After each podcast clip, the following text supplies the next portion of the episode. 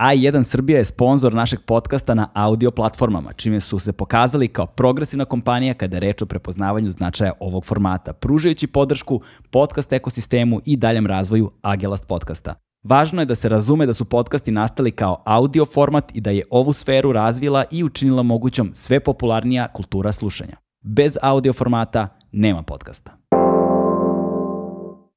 Legend Worldwide je domaći modni brend prepoznatljiv po džinsu i stilu, fokusiranom na stvaranje smirenog dizajna sa prizvukom modernog nasuprot bezuslovnom praćenju modnih trendova. E, ljudi, imamo nove partnere na audio platformama, to je Zla Zla. U pitanju je brend koji verovatno već znate, a koji već 20 godina pruža podršku svim zaljubljenicima u kanabis kulturu. Imaju najveći i najopremljeniji CBD i head shop u ovom delu Evrope po imenu Zlaštek. Od nedavno, zla zla Lemon Haze CBD headove u teglicama možete kupiti na svim boljim kioscima u Srbiji. Iskoristite promo kod ZLAGELAST za 15% popusta na artikle iz asortimana zla zla CBD Lemon Haze i CBD ulje.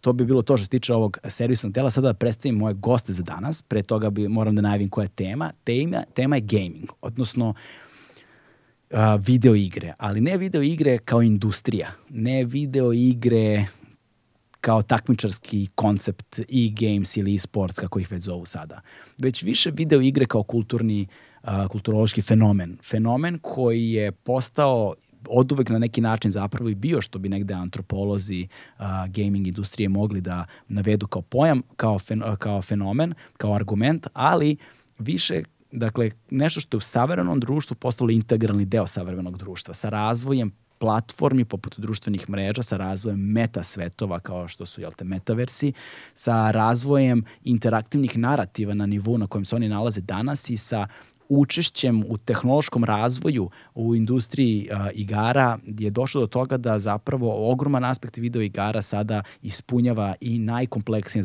zahteve visoke umetnosti.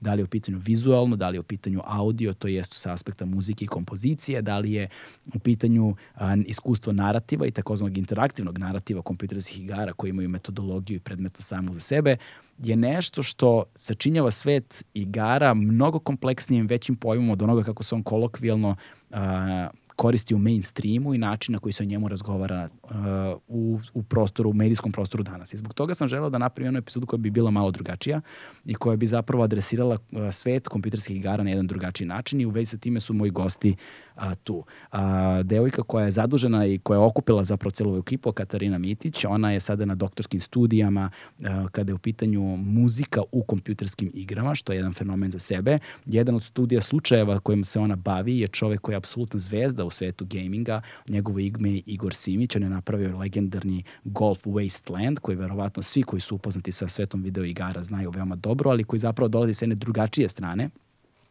ovaj, koji dolazi sa jedne drugačije strane kao neko ko je studirao filozofiju i režiju i ko zapravo nema istoriju gejmera a, na tradicionalan način i onda je donao jednu novu energiju, osvežio zapravo industriju kompjuterskih igara iz svog ugla i čućete u razgovoru koliko on zapravo jeste svež glas u jednoj ovakvoj sferi.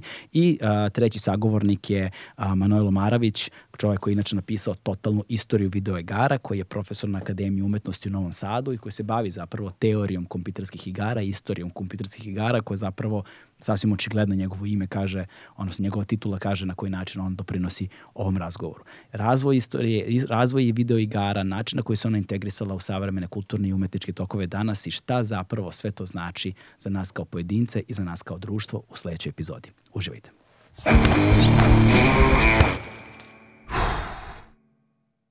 Hmm.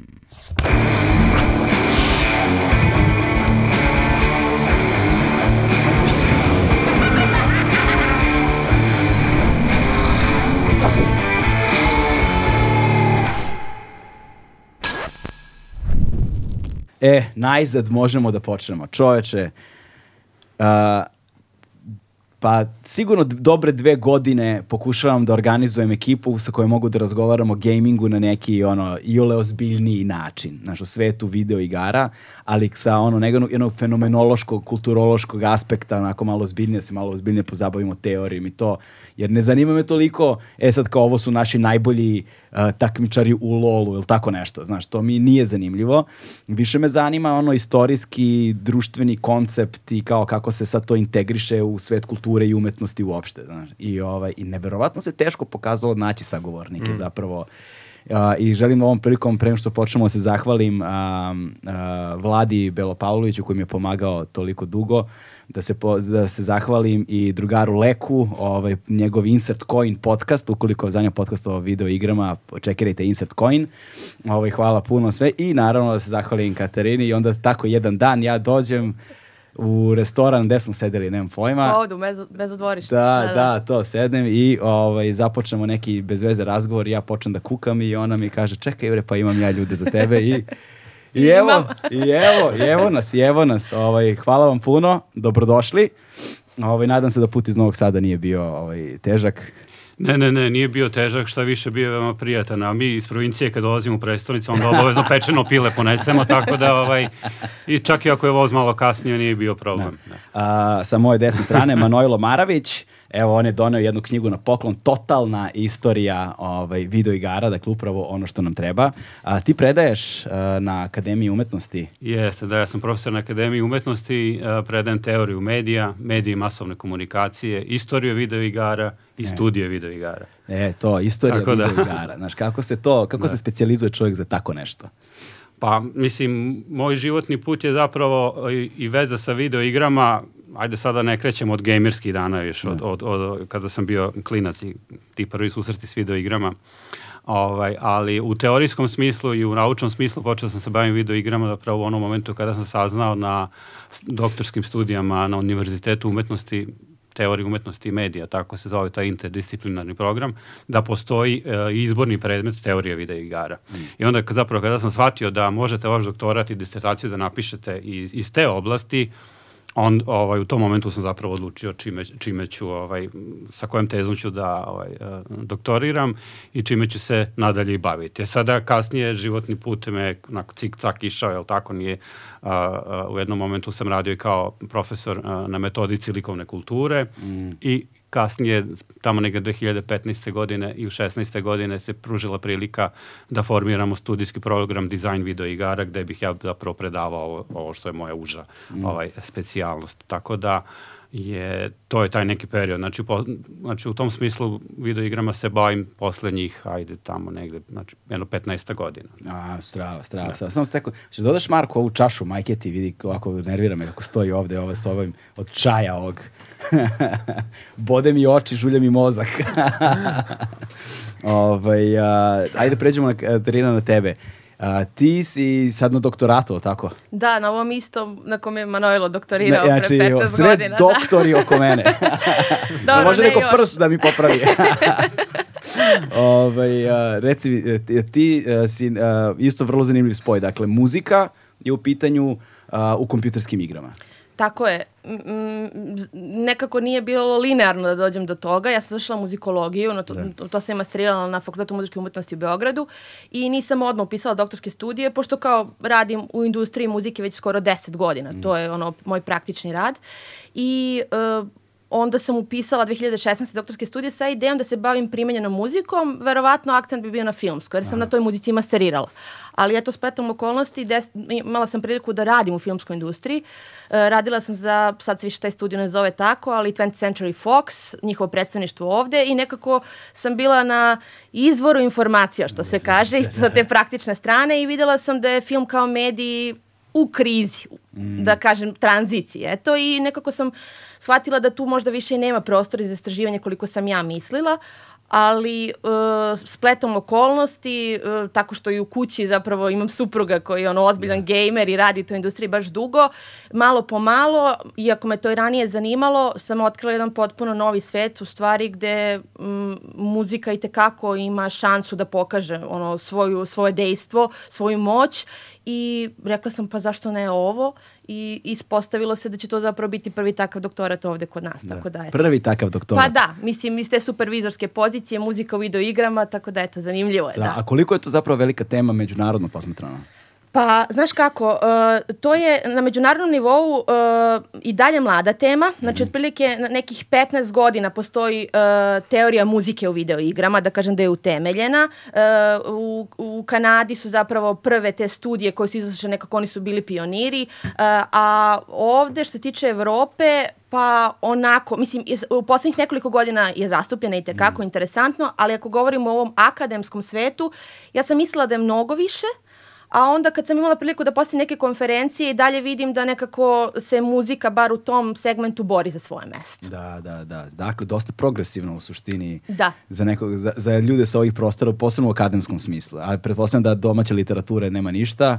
Zero points, mislim. Manojlo, na primjer, njegova literatura, ovaj, to je, to je super i kao i, to, i koristim ovaj za doktorat, ali u principu što se, što se tiče literature, da, to je sve, sve Čekaj, ova knjiga ima u prodaju da još uvijek da se nađe, jel tako? Da, da, knjiga je izašla u februaru ove godine. E, pa strava, Da, strava. Dakle, ima, ima može online da se poruči za ljude koje zanima da stavim link u opis, a? Naravno, može online da se poruči preko Klijovog sajta, preko Da, sajta da, ti, izdavača. da ti rasprodamo izdanje, brat. e, ovdje imamo jednog superstara među nama, u stvari. Da. Pa, Znaš, šta da, šta, šta, da, šta da kažem, sve informacije koje sam do, sa svih strana, kada, sa, sa različitih strana kada sam se raspitivao za ovu temu, tvoje ime je uvek ovako iskakalo kao jednog superstara koji može da govori ovaj, uh, na, na ovu temu najrelevantniji iz ličnog iskustva, do, do duše. Ovaj, Igor uh, Simić, uh, kreator uh, igre Wasteland, je tako, ono, postapokaliptičnog golfa, kako već, ovaj, koji je napravio svetski uspeh. Prilično. Da, mislim, e, meni je malo neprijatno kada to ljudi kažu zato što sam ja baš diletant što se tiče videoigara, ovaj, niti sam bio gamer, niti se nešto preterano razumem, to se više desilo slučajno e, zbog drugara. Da. Ovaj, uh, ali da, znači Golf Club Wasteland je prvi put izašao za iPhone ekskluziva 2018. Pa smo skinuli odatle i sa jednim izdavačem izdali na sve konzole, znači Sony, Xbox, Switch i na PC. I s- ono, solidno ide, Washington Post je pisao igri kao kulturnom fenomenu, tako da za golf igru je to uspeh. Da, ali pazi, kulturni fenomeni su ono što nas zanima ovdje, Da. tako. Ovaj, pre nego što zaronimo u temu, ovaj, zanimaju me vaše dete, li, lični ono, putevi, jer ti testimonijali su nekako uvek naj, naj, najlepša stvar na svetu, a mislim da u svetu videoigara su oni negde najromantičniji u suštini, jer svima nam negde počinju tamo u detinjstvu, znaš, pa kao, kako je izgledalo, ono, kako je Manuel izgledalo tvoje putovanje u svet videoigara? Oh, to je baš ovako super tema. Da. Ovaj, a, a, plašim se da se ne raspričam onako Samo. previše, onako kao... Ovde možemo da se kao, raspričamo. ono, k- kao stariji čovjek kad se seća svog detinjstva, to obično tako bude, pa kad kaže, e, u moje vreme je sve bilo naravno mnogo bolje, ovi During klinci... da, da, o- ovi klinci danas kako igraju igre i šta, mislim, to nije, nije ni blizu ono iskustvo kako smo mi imali. Ovaj, mislim, ovaj, naravno, šalim se, sarkastičan sam u tom smislu, to je taj neki odraz kulturalnog generacionalizma kada govorite, Yes. znate, ono, u moje vreme je sve bilo bolje i kad, to, to vjerojatno svaka generacija proživljava. Ali ajde ovaj, da, da odgovorim na tvoje pitanje, pa mislim, uh, ranih 80-ih, jel? Da. Tako, ovaj, u to vreme nekde 84. godine, se sećam, bio sam prvi razred osnovne škole i, ovaj, i, i jedan moj prijatelj iz razreda je dobio ovaj, dobio, dobio neku igračku konzolu, ja sad ne mogu setim koja je to bila u pitanju, ali ovaj, dobio je od tetke iz inostranstva. Da, dalje bila Nemačka ili nešto drugo, obično tetke iz Nemačke donosi ili preko okeanske tetke, nije ni važno, ovaj, a, te igračke konzole i onda ja kada sam zapravo video ovaj, da, da, da je televizor može da služi u, u svrhi interaktivnosti, jel tako, nešto što smo kao klinci uvek gledali, čekali onaj crtač u, u, u 7 i 17, ovaj, uh, uveče kao ovaj, uh, uh, kao pik tog dana, kažem, Čekaj, bio je, sam, dana. bio je crtani film, pa je bio Laku noć deco, pa je bio Dnevnik 2. Da. Evo, u to vreme nije bilo lako noć deco još Da, da, uvijek. bilo znači 7 i 15, posle kreće znači dnevnik, to, to je bilo tako, ali a, sve u svemu, znači odjednom je televizor postao a, jedna interaktivna kutija s kojoj možete nešto zaista da radite, da, da, da vi nešto činite tom televizoru, nešto tu da se pomera i da vi utičete na to, na tu, na tu sliku ovaj, na, na ekranu. I sad ta prva igra ko, koju sam igrao je zapravo Pong, jel? Mislim, ovaj, naravno Pong je izašao ovaj, uh, uh, 12 godina pre, pred 84. godine, ovaj, tako da, uh, da ne steknu ljudi pogrešan utisak u ovim godinama. Ovaj, ali, znači, 84. godine ovaj, je bilo jako puno uh, konzola koje su izašli, jako, dakle, Atari je tada bio dominantan ovaj, na, na tržištu, ali u to vreme bila velika kriza u severnoameričkom e, tržištu koja je trajala tamo nekdo od 83. godine do 85. godine i iz raznoraznih razloga, pre svega zasićenje tržišta raznoraznim konzolama, tako, i, i i pre svega kvali, uh, igrama uglavnom diskutabilnog lošije kvaliteta koje su bile izuzetno jeftine. Um, sve u svemu, znači u tom momentu kada sam imao tu priliku da, da igram, mislim, to je bio moment onog otkrovenja, tako, zaljubio sam se u tu vrstu, ovaj, a, a, a, kažem, neke a, e, kulturne aktivnosti, da ne kažem zabave, jel tako, u tom, u tom momentu. A, kasnije a, su a, tih, kažem, 80. godina bile popularne, ja se sećam, one handheld konzole, odnosno ručne konzole, koje su takođe do, donosile iz inostranstva, a sećam se na, sub, na Subotičkom buvljaku, s obzirom da je to, je tako, to je grad odakle dolazim, ovaj, gde sam proveo detinjstvo i Subotice. Subotice, aha. Da, da. Okay. Onda i sa buvljaka su dolazile te razno razne handheld konzole jeftine, ali kažem, ovaj, prvo neko malo ozbiljnije iskustvo je bilo, dakle, tu su sve različiti konteksti, u sve zavisnosti hardvera imate različite kontekste igranja i to je ono što je zapravo zanimljivo. I kada imate kućnu konzolu, to je više kao porodična zabava, dođu vam najbolji prijatelji, eventualno i onda igrate tu zajedno ovaj, sa njima. A, te ručne konzole, one su prenosive, one se nosi, to nosite u školi, nosite napolju, to se skupi ekipa, okolo gledaju klinci ovaj, a, kako igrate. E sad sledeći kontekst u koji sam uronio zapravo, a, ovaj, a vezan je za video igre, to su a, arkade, odnosno mm odnosno kabineti na, na žetone. Izvini, molim te, drži mi pucanje. to je, da. to je, to je, to, toga se ja sećam ono iz detinjstva, drži mi pucanje. Jeste, da. I, I to je bio jedan, zapravo te arkade su bile uh, prva mesta gde, gde je moja generacija izlazila. Da. A, znači, nismo naravno išli u kafiće, nismo išli u pizzerije ili ne znam nijak gde, dobro, bioskopi naravno, ok, ali ovo to su dakle prva javna mesta uh, gde smo mi kao klinci odlazili i, uh, uh, i na taj način uh, van nadzora roditelja neki, način, što je veoma važno u, u dečjem odrastanju, negde da mogu da odu u neki, neki zajednički prostor, a da nemaju onaj neprestani nadzor roditelja, ako da gledaju, da ih gledaju, da ih paze. Mi kao 12-godišnjaci, 13-godišnjaci, sada smo se osjećali nekako već kao odrasli. I ovaj, ja se sećam, znači, te, to je znači, jedna posebna atmosfera tamo, dakle, to je jedna kao, sad, ajde, nešto slično ja vidim da se negde ponegde u Novom Sadu otvaraju ponovo neke arkade. Ne znam koliko je to popularno, ne znam kako je u Beogradu situacija, da li ima ar arkadnih prostora, Ovaj, ali, ali sećam se u to vreme je bilo, znači, to je bilo, to su bila zadimljena mesta, tu su klinci prvi put pušali cigarete, mm. ovaj, a, a, sećam se da su tad u tim kabinetima, čak to često navodim kao jedan onako a, triviju, kao interesantan slučaj iz detinjstva su postojale ti kabineti sa ugrađenim metalnim pepeljarama, onako, pa onako, sećam se, da, da, da, igraš video igru, ono, on, i, istovremeno, da, staviš cigaretu i onda su svuda bilo onako nešto šute tačke, naravno u tom momentu ovaj, ne možeš da pogodiš ovaj, u tom ne. momentu uzbuđenja i strasti. Takođe se sećam koji je to bio jedan, kažemo, jedan društveni događaj ovaj, specifičan u toj kulturi igranja, video igara, ovaj, kada uh, odigrate igru, cignete do kraja ovaj, u, u toj igri. Inače, igrate su tada u to vreme bile prilično teška i nije bilo lako stići do kraja. Naravno, sve je to bila, postojala ekonomska logika, pojente u tome da što više, naravno, novca, žetona, da. žetona ubacuješ i onda nije baš bilo lako stići i preći neku igru.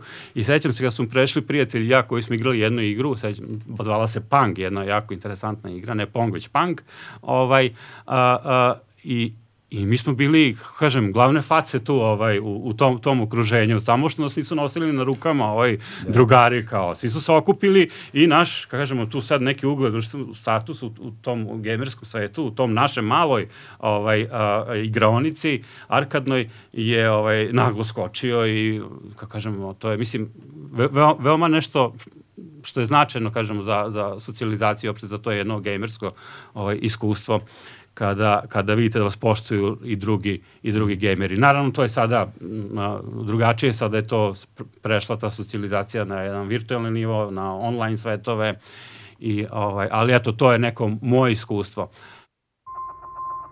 A1 je prvi prijatelj audio izdanja Agelast podcasta. Kako, kako prepoznaješ profesora sa fakulteta, znaš, pitaš ga kako si se zaljubio u igre u detinjstvu, on ti priča o krizi tržišta u, Amer- na severnoameričkom kontinentu.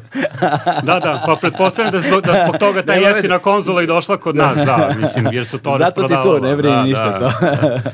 Igore, ovaj, jel ti imaš veze sa krizom uh, na tržištu ili ne?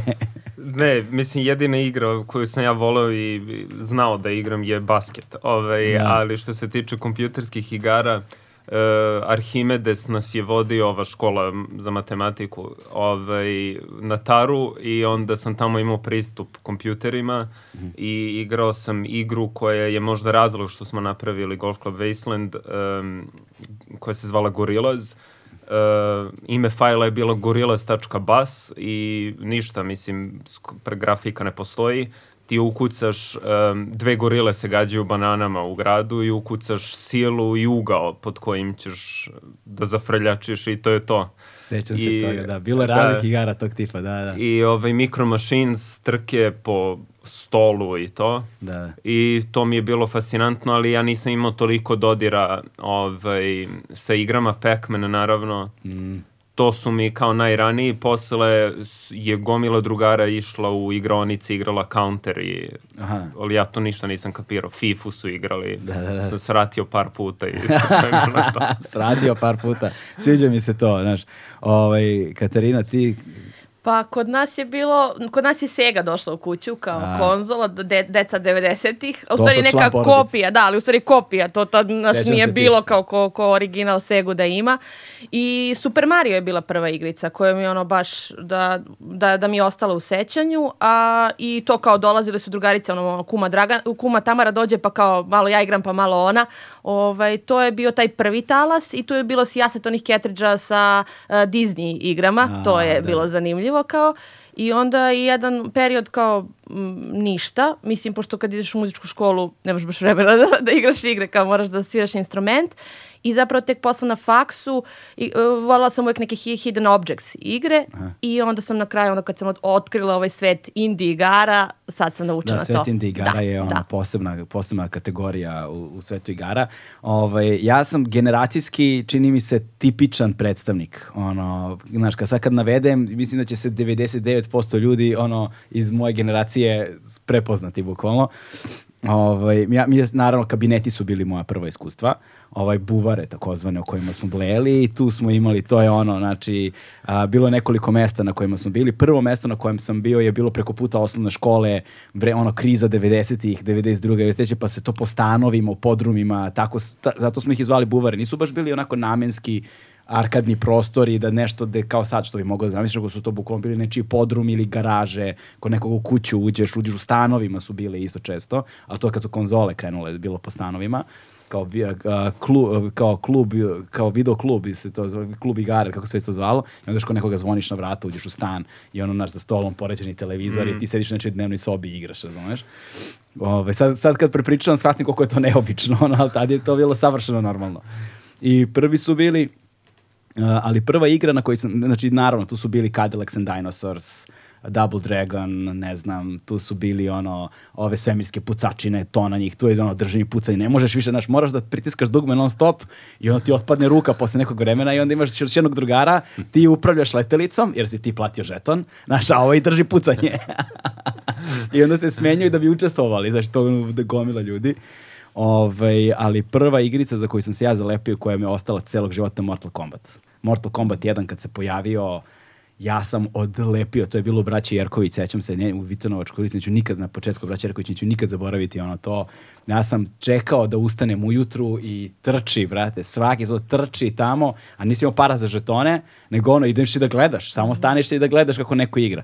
To je bilo nemoguće preći tu igricu. To je bilo nemoguće preći. Posebno što su obično bile igrice, ono, pardon, igre, ovaj, su bile takve da um, stave igru u kabinet, ali kabinet nema adekvatne dugmiće za tu igru, konkretno. Recimo, potrebno ti je šest komandi različitih za, ne znam, Mortal Kombat, ti imaš tri. I sad, znaš, kao, nemaš nogu, nemaš, ne znam, visoku ruku, nemaš blok, znaš, pa kao, prelazi ti sad igricu. To je bilo, ovaj, to je bilo iskustvo i onda kada su se pojavili, kad se pojavio SNES, to je za mene bila prekretnica. Ono, Super Nintendo, onda si mogu da iznajmiš i da nosiš kući. Brate, spavanje je tada prestalo da postoji kao koncept. I ono, duvanje u ketridže. Znaš, da bi ti radili i tako to. Super Mario World, to je bilo. Donkey Kong, to je bilo. To su bile igrice ono, koje su mene obeležile. Odnosno, pardon, igre. Stalno brkam, a konstantno mi ispravljaju. Kao, ne igrice, igre. ovaj, da, da. um, ali vremenom igre su postale ozbiljan i neodvoji deo uh, umetnosti, uh, savremene kulture, a negde dinamike društvenih odnosa postale su ozbiljan socijalni kapital među klincima, ono, posebno u tom mhm. formativnom mm periodu.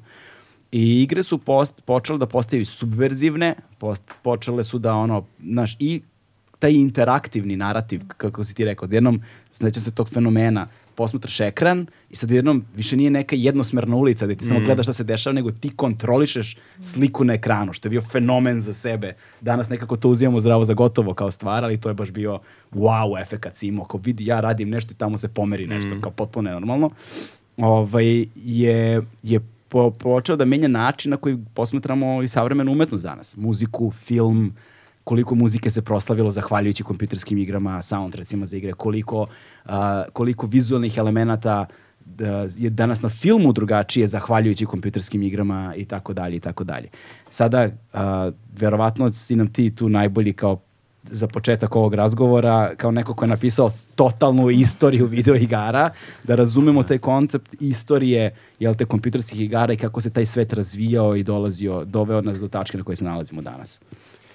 Da, ovo, sve što si rekao je, uh, rekao je nevjerojatno važno da, da ljudi razumeju i taj aspekt video, video igara, a to je taj upravo društveni kulturalni aspekt video igara što je izuzetno uh, značajan i ja bih rekao izuzetno zanimljiv. Ovaj, a, u, kod nas u medijima i često kada se govori zapravo o video igrama, zapravo m, više se video igre posmatraju kao neka vrsta proizvoda, kao neka vrsta robe, one to jesu na kraju krajeva ali taj, kažemo, društveni kulturni aspekt koliko video igre zapravo u sebi no, od, unose određena značenja i u kojoj meri zapravo mogu da kreiraju naš pogled na svet, uh, boji se da je taj aspekt malo, malo pomalo zanemaran. U tom smislu veoma mi je drago upravo što, što i gostim u tvojoj emisiji, što imam priliku ovaj, to, to da kažem. Um, što se tiče video igara, uh, i postoji sad ona priča kad je prva video igra nastala, ko je napravio prvu video igru. Mislim, kao i kod svakog medija, a, to nije, naravno, ne, može se, ne možemo jedan sinhronijski moment, jel tako, u istoriji da izvojimo, kažemo, e da, to je bilo tad i tad, taj i taj je napravio prvu, prvu video igru. Zapravo kao i kod fotografije, kao i kod filma, tu su procesi koji su se razvijali, odvijali. A, u istorijskom smislu video igre su nasledile neki način, one su, one su nastavljači prethodnih mehaničkih i elektromehaničkih igara, dakle mehaničkih iz 19. veka i elektromehaničkih sa početka 20. veka. A, to su bile a, igre koje su takođe išle na kovanice, takođe su postojali kabinete, ali su bile potpunosti mehaničke. Um, A, I ono što je interesantno da a, neki od danas najpopularnijih žanrova koje postoje u videoigrama, kao što su pusačke igre, kao što su a, a sportske igre, kao što su, m, na primjer, igre vožnje i tako dalje, upravo su tada nastajali. Dakle, još tamo kraj, krajem 19. početku 20. veka su postojali i pucačke igre, naravno, posto, mislim, bile su nekakve a, a, puške improvizovane koje ste vi pucali, gađali, dobijali na kraju neko, neki slatkiš ukoliko ste a, pogodili. Posto, su takođe igre vožnje, postojale su igre boksa upravo gde vi imate ovaj dve ručke pištolja pa tako kontrolišete levu, levicu i desnicu otprilike ono, ovaj, igrate jedan protiv drugog. A, ovaj, dakle, sve na jednom mehaničkom ovaj, nivou. Tako da je u tom istorijskom smislu video igre se nisu sada javile onako pale, što bi se rekao sa Marsa, jel? A, izmišljene odjednom, nego one su na neki način nastavljači te tradicije, ali naravno ovaj, u jednoj, kažemo, digitalnoj, digitalnoj formi. A, I ove godine upravo ono što je interesantno, ove godine upravo obeležavamo 50 godina nastanka industrije videoigara kada su ovaj, video igre postale a, industrijski, kažemo, i isplativa tako da se proizvode ovaj, ma, masovno i da se komercijalizuju. Naravno, treba tu pomenuti i e, igre 50. godina prethodno, dakle pre nastanka industrije, to su igre bile kompjuterske igre gde su na, uglavnom u naučnim krugovima, sad da sada računari koštali po, ne znam, a nekoliko stotina hiljada dolara. Okreni se malo, zvini samo prema njima, slobodno da, da te kamera vidi. Da. Skoro još malo pa će leđima skroz da bude okrenuto ovako, da. U, u, a, a, u današnjem, a u da. današnjem smislu, ovaj, a, m, dakle, tada su računari 50. godina koštali nekoliko stotina hiljada dolara, što bi da, u današ, današnjim dolarima prevedeno nekoliko miliona dolara i to da. je to tada su imale samo naučne ovaj institucije ovaj te računare i čak i još to vreme 50-ih ne još ni svi univerziteti, vojska naravno.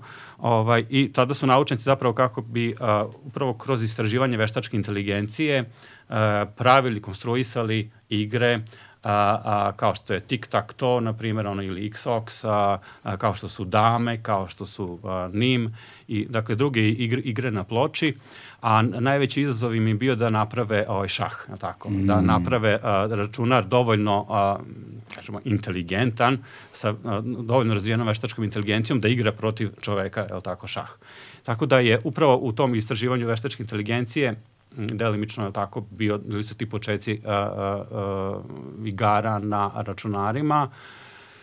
Naravno, treba pomenuti kada su računari postali nešto jeftiniji, kada se umesto, ovaj, kada se više nisu koristile one vakumske cevi, ovaj, jel tako, koje su činile računare da budu ogromni i veliki, koje, mislim da je oprostorija bila mala za tadašnje računare, ovaj, 45-50 godina, zapravo treba spomenuti svakako ovaj Space War, odnosno svemirski rat, rat Steva Russella, i njegove ekipe prvih hakera na, na e, MIT-u koji su zapravo ovaj, a, tada a, nastajali, koji su radili ono sa, tada su stizali ti računari, tadašnji min, takozvani mini kompjuteri, veličina otprilike tri prosečna frižidera, ali su to za to vreme bili mini kompjuteri, gde ste vi mogli sada da ovaj koristite u laboratoriji ovaj, te računare i to i to samostalno. Ranije su ranije 50. godina potrebni su bili operateri da bi radili nas. Dakle, nije mogao jedan čovjek malta ne da radi za računarom, a je već potreban tim operaterski da bi to sve podatke ubacivao, izbacivao i tako dalje.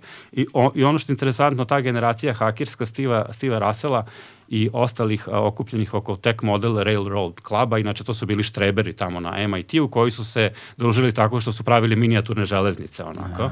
I, ovaj, I oni su bili naročito vešti inženjeri. I onda kad su došao računar, to im je bila prilika šta da rade sada sa njim, kako bi ovaj a, a, dakle oni su radili sa računarom sve ono što su im profesori zabranjivali da rade. Mm profesor su rekli, taj računar nije igračka, taj računar služi za veoma, on je pre svega veoma skup, skup alat i on služi za veoma, veoma ozbiljne proračune, za veoma ozbiljne vežbe, nema sa njim igranja. A oni su se trudili zapravo da taj, taj potencijal računara iskoriste za nekakve neverovatne stvari koje, koje, koje drugi nisu mogli da zamisle. Od toga imamo danas mnoge, je tako i ostalo, i Silikonska dolina je na neki način nastala zahvaljujući tom znanju tih hakerska. I sama reč hak koji su oni tada koristili okupljeni oko tog Tech Model Railroad kluba, jel? nisu se još zvali hakeri, je značila da vi napravite nešto sa računarom, nekakav program koji će vas, a, a, dakle neobičajen program, koji će vas uzdići nekom u toj maloj zajednici kao,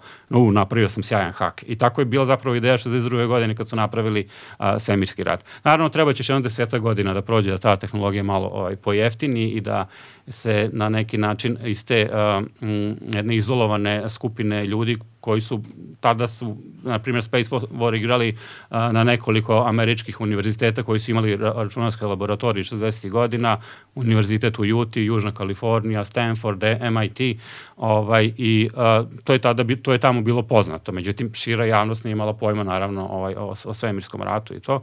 Tako da je tek tamo neke 72. godine kada je uh, formiran zapravo Atari i kada je napravljen velik uspeh sa Pongom i kada je te iste godine zapravo izašla i ovaj, prva konzola, igračka konzola Odiseja, Magnavox, Odiseja Ralfa Bera, ovaj, a, zapravo počela, kažemo, industrija videoigara koja je imala onako jedan priličan ovaj, uspon tokom 70. godina. Mnoge kompanije a, su videle da taj posao sa videoigrama donosi velike profite, jer su sada počele da se zamenjuju elektromehaničke i one stare mehaničke igre koje su stojale u ovaj, tim arkadama, zato što su one bile nepouzdane. Tim, ta mehanika i te, te figure, to se troši vremenom, pokvari se, a ovo je bilo prilično pouzdano i bilo je nešto što je novo.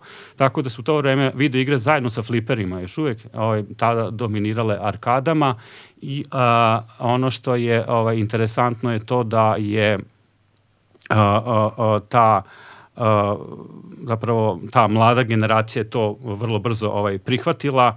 Uh, naročito ta studentska populacija koja je imala iskustvo igrajući ovaj uh, svemirski rat i uh, imamo taj nagli uspon industriji 70. godina, uh, po, nakon notarija mnoge se kompanije pri, priključuju, kompanije koje bi bilo logično da se uključaju u biznis, ovaj, mm. uh, pravljene video igara kao što je Williams, kao što je Midway, kao što je Belly, a, dakle oni koji su pravili flipere i koji su napravili zapravo uh, prve poslove sa fliperima, ali interesantno uključuju se i mnoge druge kompanije koje apsolutno nikakve veze nisu imali prethodno sa pravljenjem video igara, kao što je Coleco, na primjer, Connecticut Leather Company, na primjer, oni se bavili trgovinom kože, ali su napravili posle sjajnu konzolu, ColecoVision, ili Fairchild Camera, što su napravili Channel F kasnije, takođe prvu uh, igračku konzolu ovaj, uh, sa cartridgeima, a oni su pra, proizvodili zapravo ovaj, uh, uh, fotografsku, da ne kažem sad špijunsku opremu za američke vojne avione, da. ovaj, za fotografisanje, znači i, i dakle, svi su videli tu, tu jednu sjajnu priliku da, da uđu u posao sa video igrama.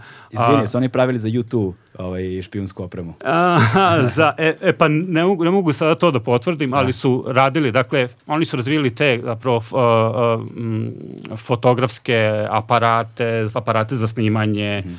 a, dakle, kamere za snimanje ovaj, a, i zapravo koje je vojska koristila. Da. A, tako da je... A, zatim, dakle, nastalo u Americi, širi se vam brzo u Japanu, naravno, američki uticaj je u to vreme bio ovaj, 50-60 godina. Primjer, Sega, što je interesantno, je kompanija koju su zapravo, zapravo Amerikanci osnovali, ovaj, a, a, a, kao što je Martin Brumley, na primjer, i, i ovaj, a, a, David Rosen.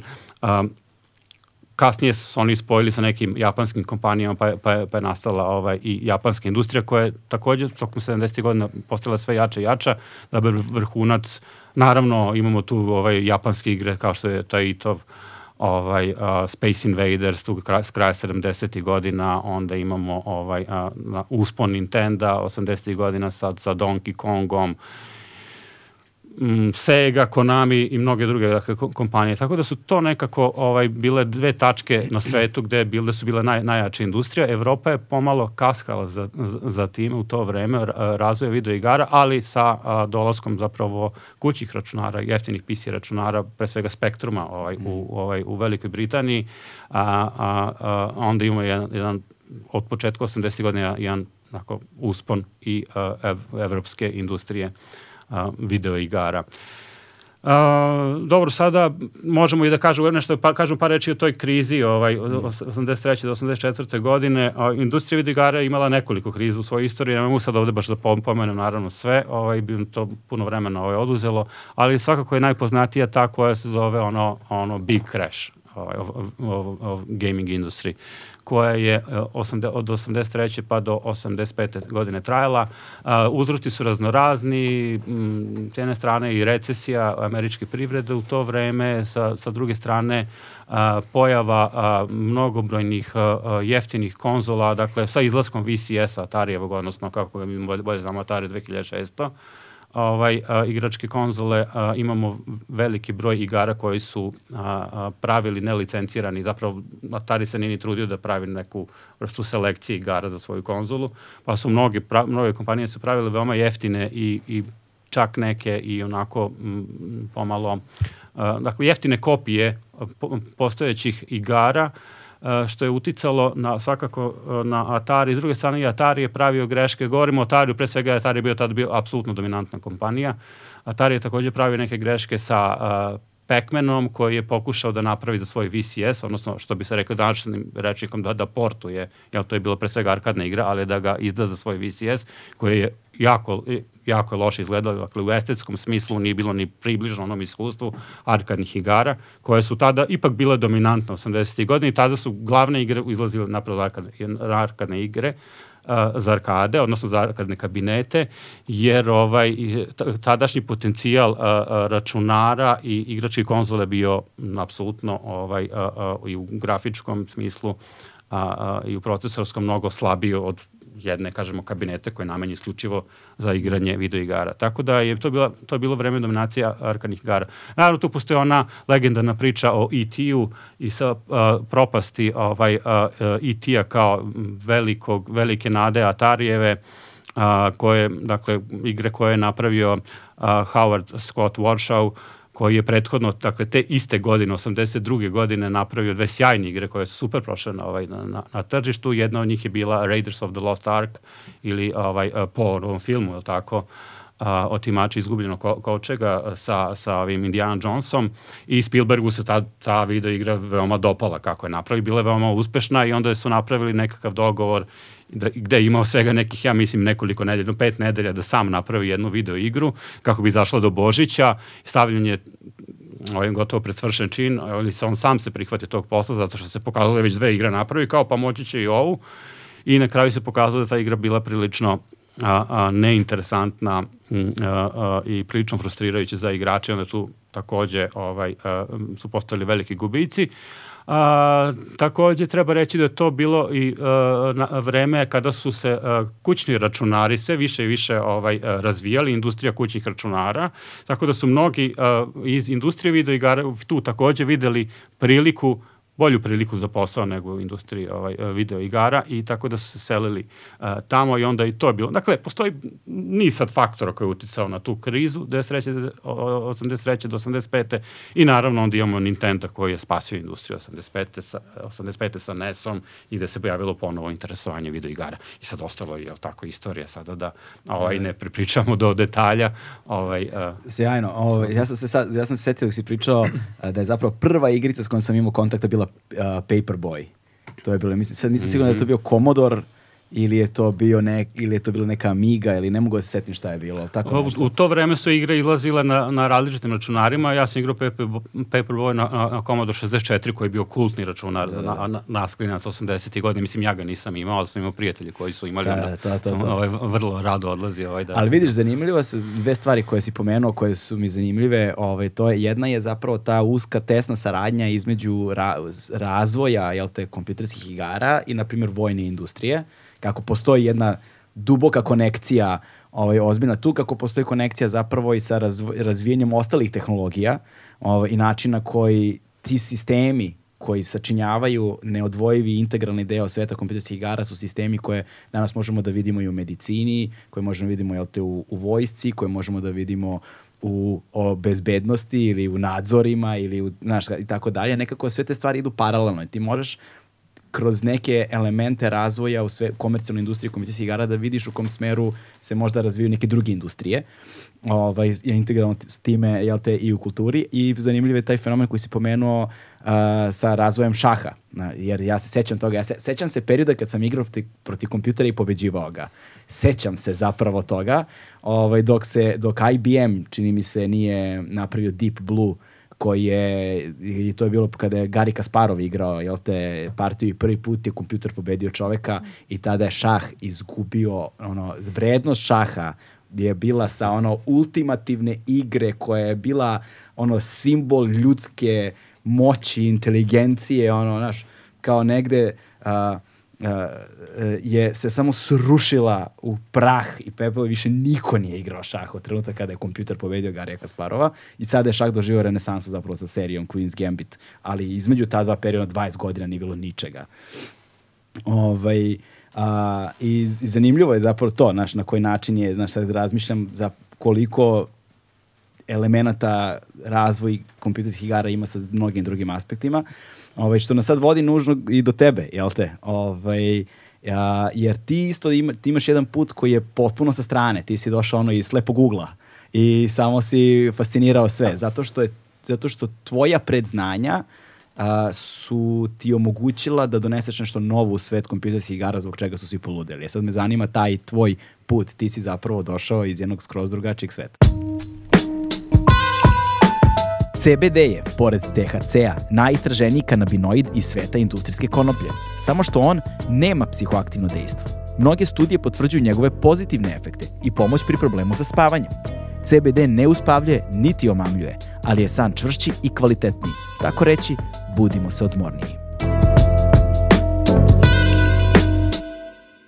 Da, ovaj, znači ja sam otišao, išao sam ovde u matematičku gimnaziju i onda sam otišao na faks uh, u New York na Columbia univerzitet gde sam studirao paralelno filmsku režiju i filozofiju.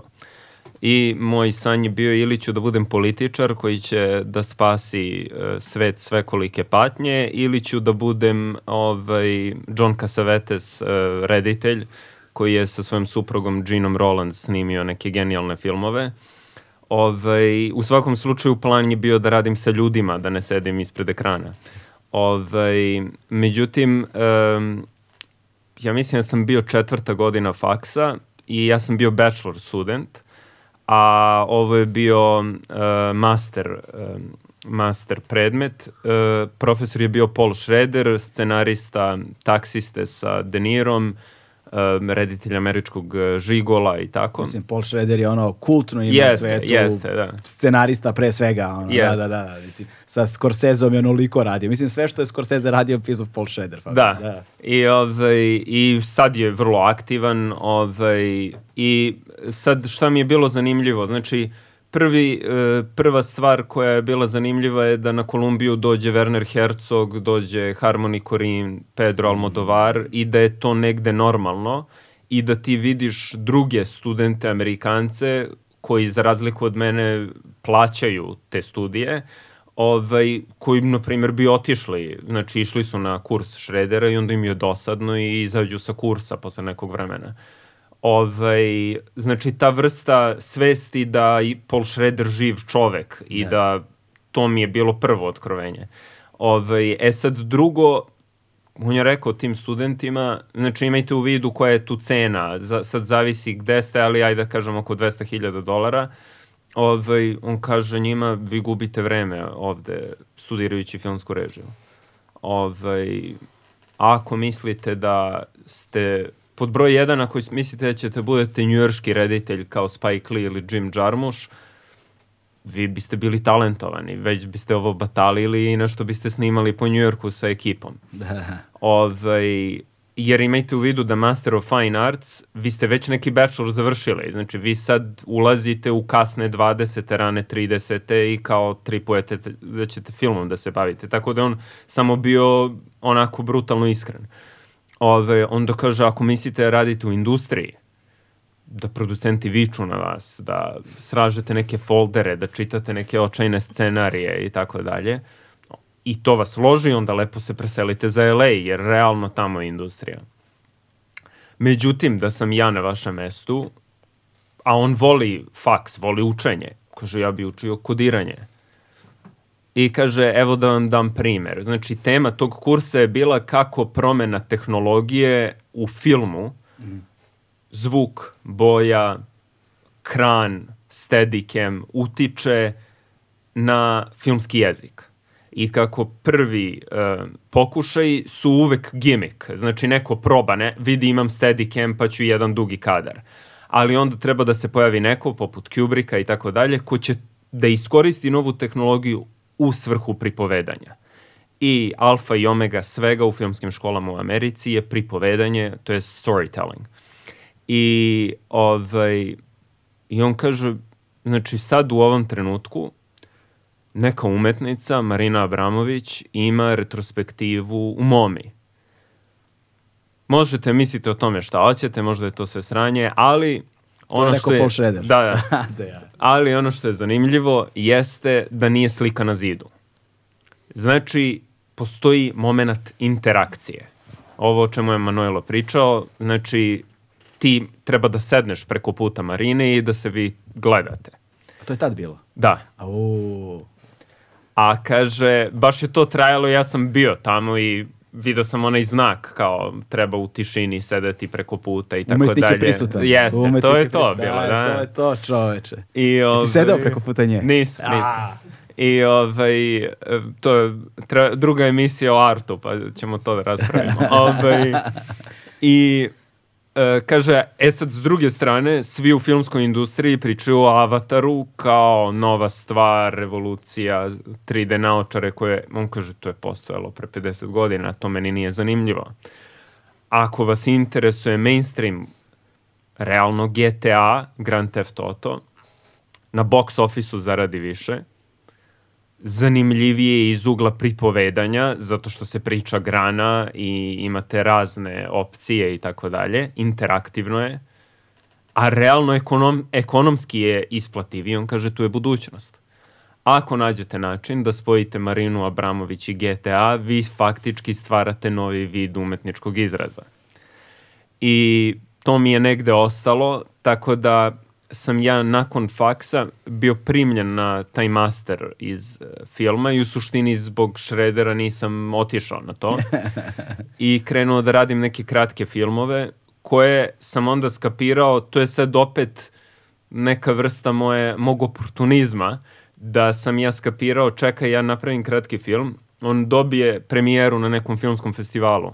Međutim, uh, ja, e, znate vi transfer, pa ima onaj wallpaper, ja vidim neki open call za uh, savremenu umetnost, za neki competition. Na wallpaperu vi transfera. Da. sve, sve što pričaš je leg legendarno. pa, i, ove, i, ja pošaljem na taj art fair, to je u Kelnu bilo. Prvi kratki film, Mislilac u supermarketu. Znači, koncept filma je, i tu sam ja negde, ta sloboda da ja kažem, jer za mene velika odluka bila da ne odem na master, zato što sam ja baš štreber, znači matematička gimnazija, dva bachelora paralelno i ono, Ćale doktorirao elektrotehniku, Keva lekar, znači ne nastaviti akademskim putem gde svi znaju da štrebanje ti ide je van pameti.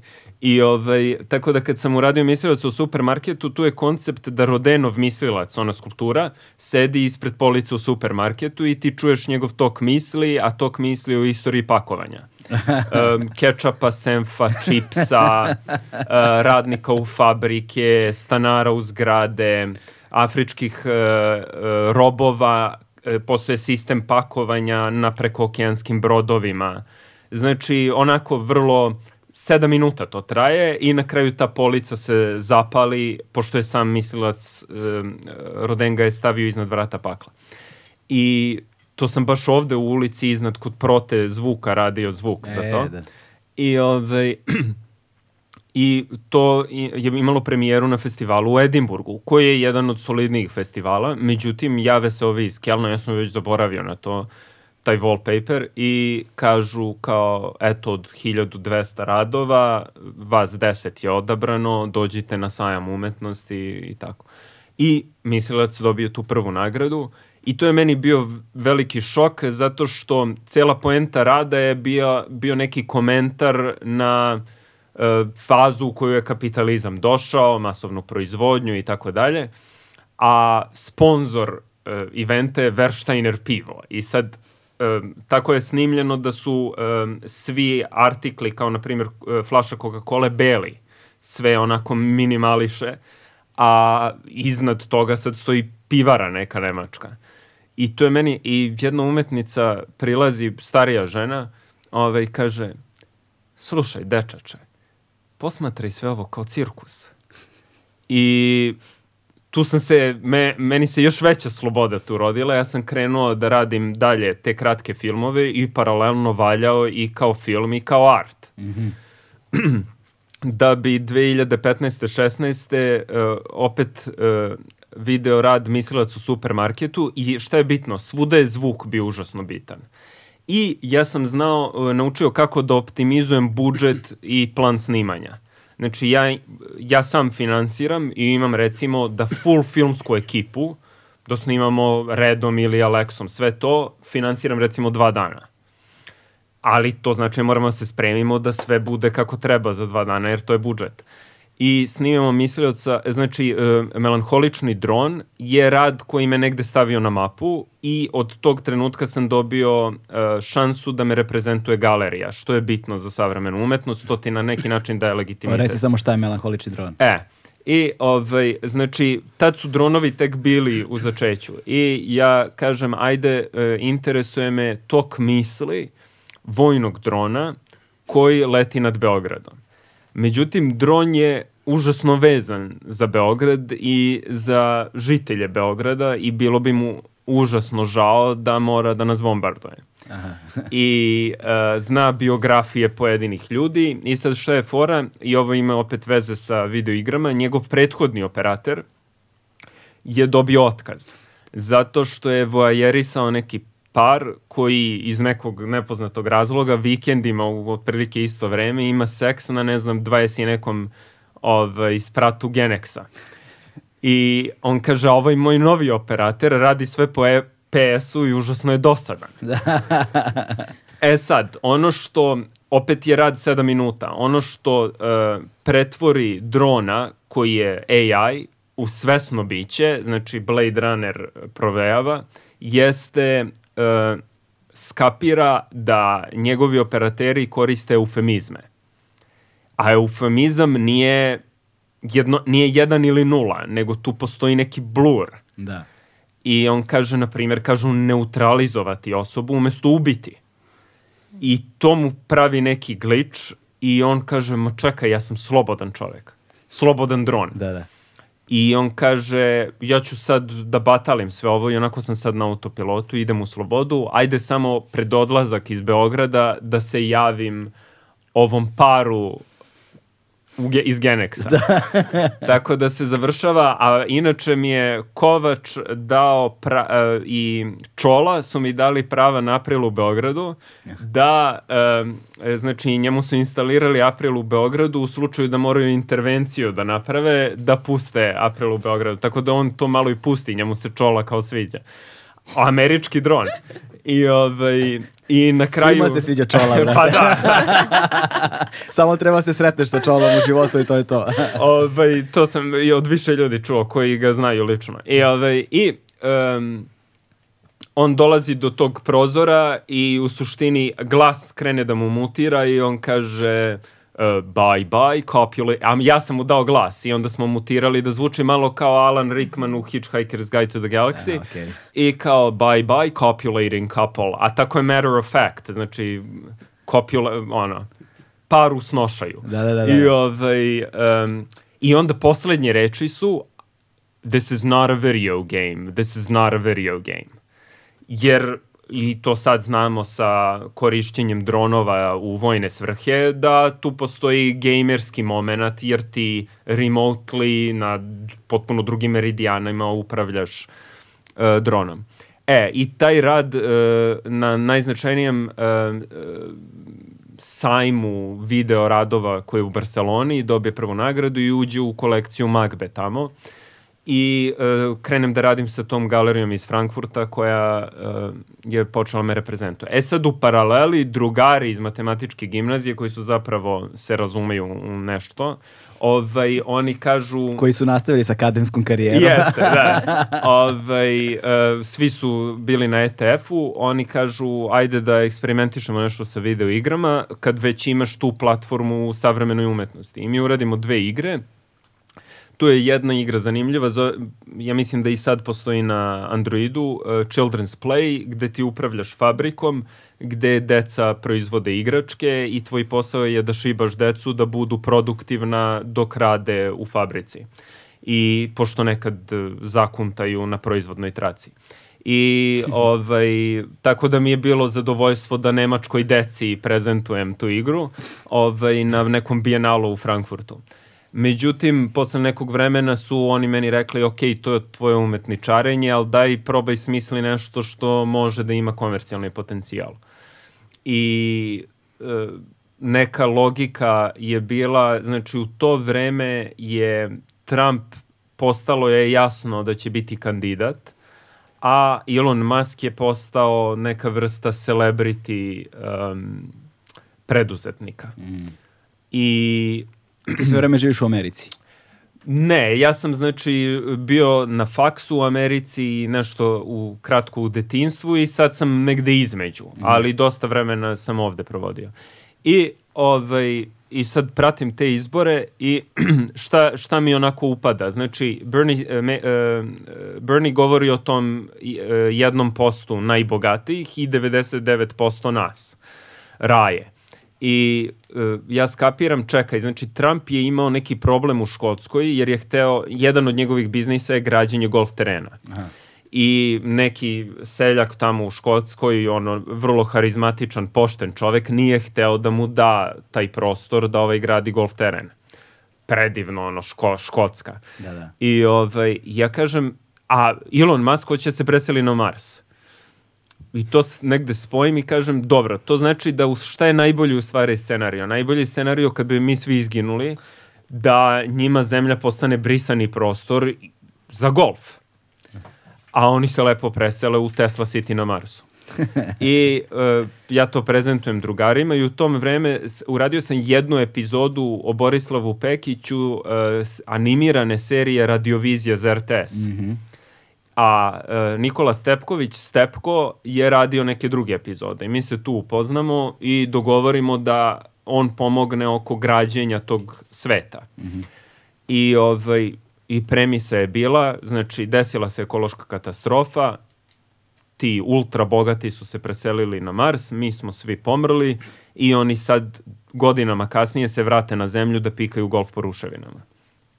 Ovaj, i mi, cela ta ekipa, ta nas je već bilo sedmoro, napravi taj, taj demo i ja tu skapiram, pričali smo pre nego što je počelo snimanje o muzici. Mm. Nikakvog talenta nemam. Znači, ja sam otišao na taj drugi osnovne, treći ovaj, kao za hor u osnovnoj znači, školi. Svi, svi smo imali tu tragičnu sudbinu. Da, da, da. Za ovim stolom dosta... svi, mislim, sem tebe, sem da, tebe. Da, da, da. Zato si ti tu. Da. ovaj... da uneseš harmoniju u ovaj razgovor. to, e, i zato pričamo o muzici, da ti dam šlagvort, da. ovaj segway. E, I šta se dešava, znači, da, i, i odlazim na taj casting, e, nije to casting, znači za hor, audicija. taj audicija, mm. da, i, ovaj, i ja kao ona, ona kao stisne neku dirku, razumeš, i kao, ja kao la, i ona, i, i ona ka, ja kažem, pa kad treba da dođem za hor? Pa ko je tebi rekao da dolazi? I ja mislim da zbog, zbog tih kompleksa da. sam ja ufurao, znači niko normalan ne radi soundtrack za mobilnu igru zato što većina ljudi u busu uopšte ne pali sluške i ne sluša soundtrack. Da. I ja kažem ne, ja ću u stvari najveću energiju da ufuram u soundtrack. Radio Nostalgija s Marsa je radijski program koji ljudi koji sad žive na Marsu slušaju i kao Sleepless in Seattle sa Meg Ryan zovu program da dele neka svoja sećanja o tome kako je bilo živeti na zemlji. Mm a sva muzika je iz 2040. 2050. i tako dalje, znači retro iz budućeg. Da, da. Retrofuturizam. To. I ovaj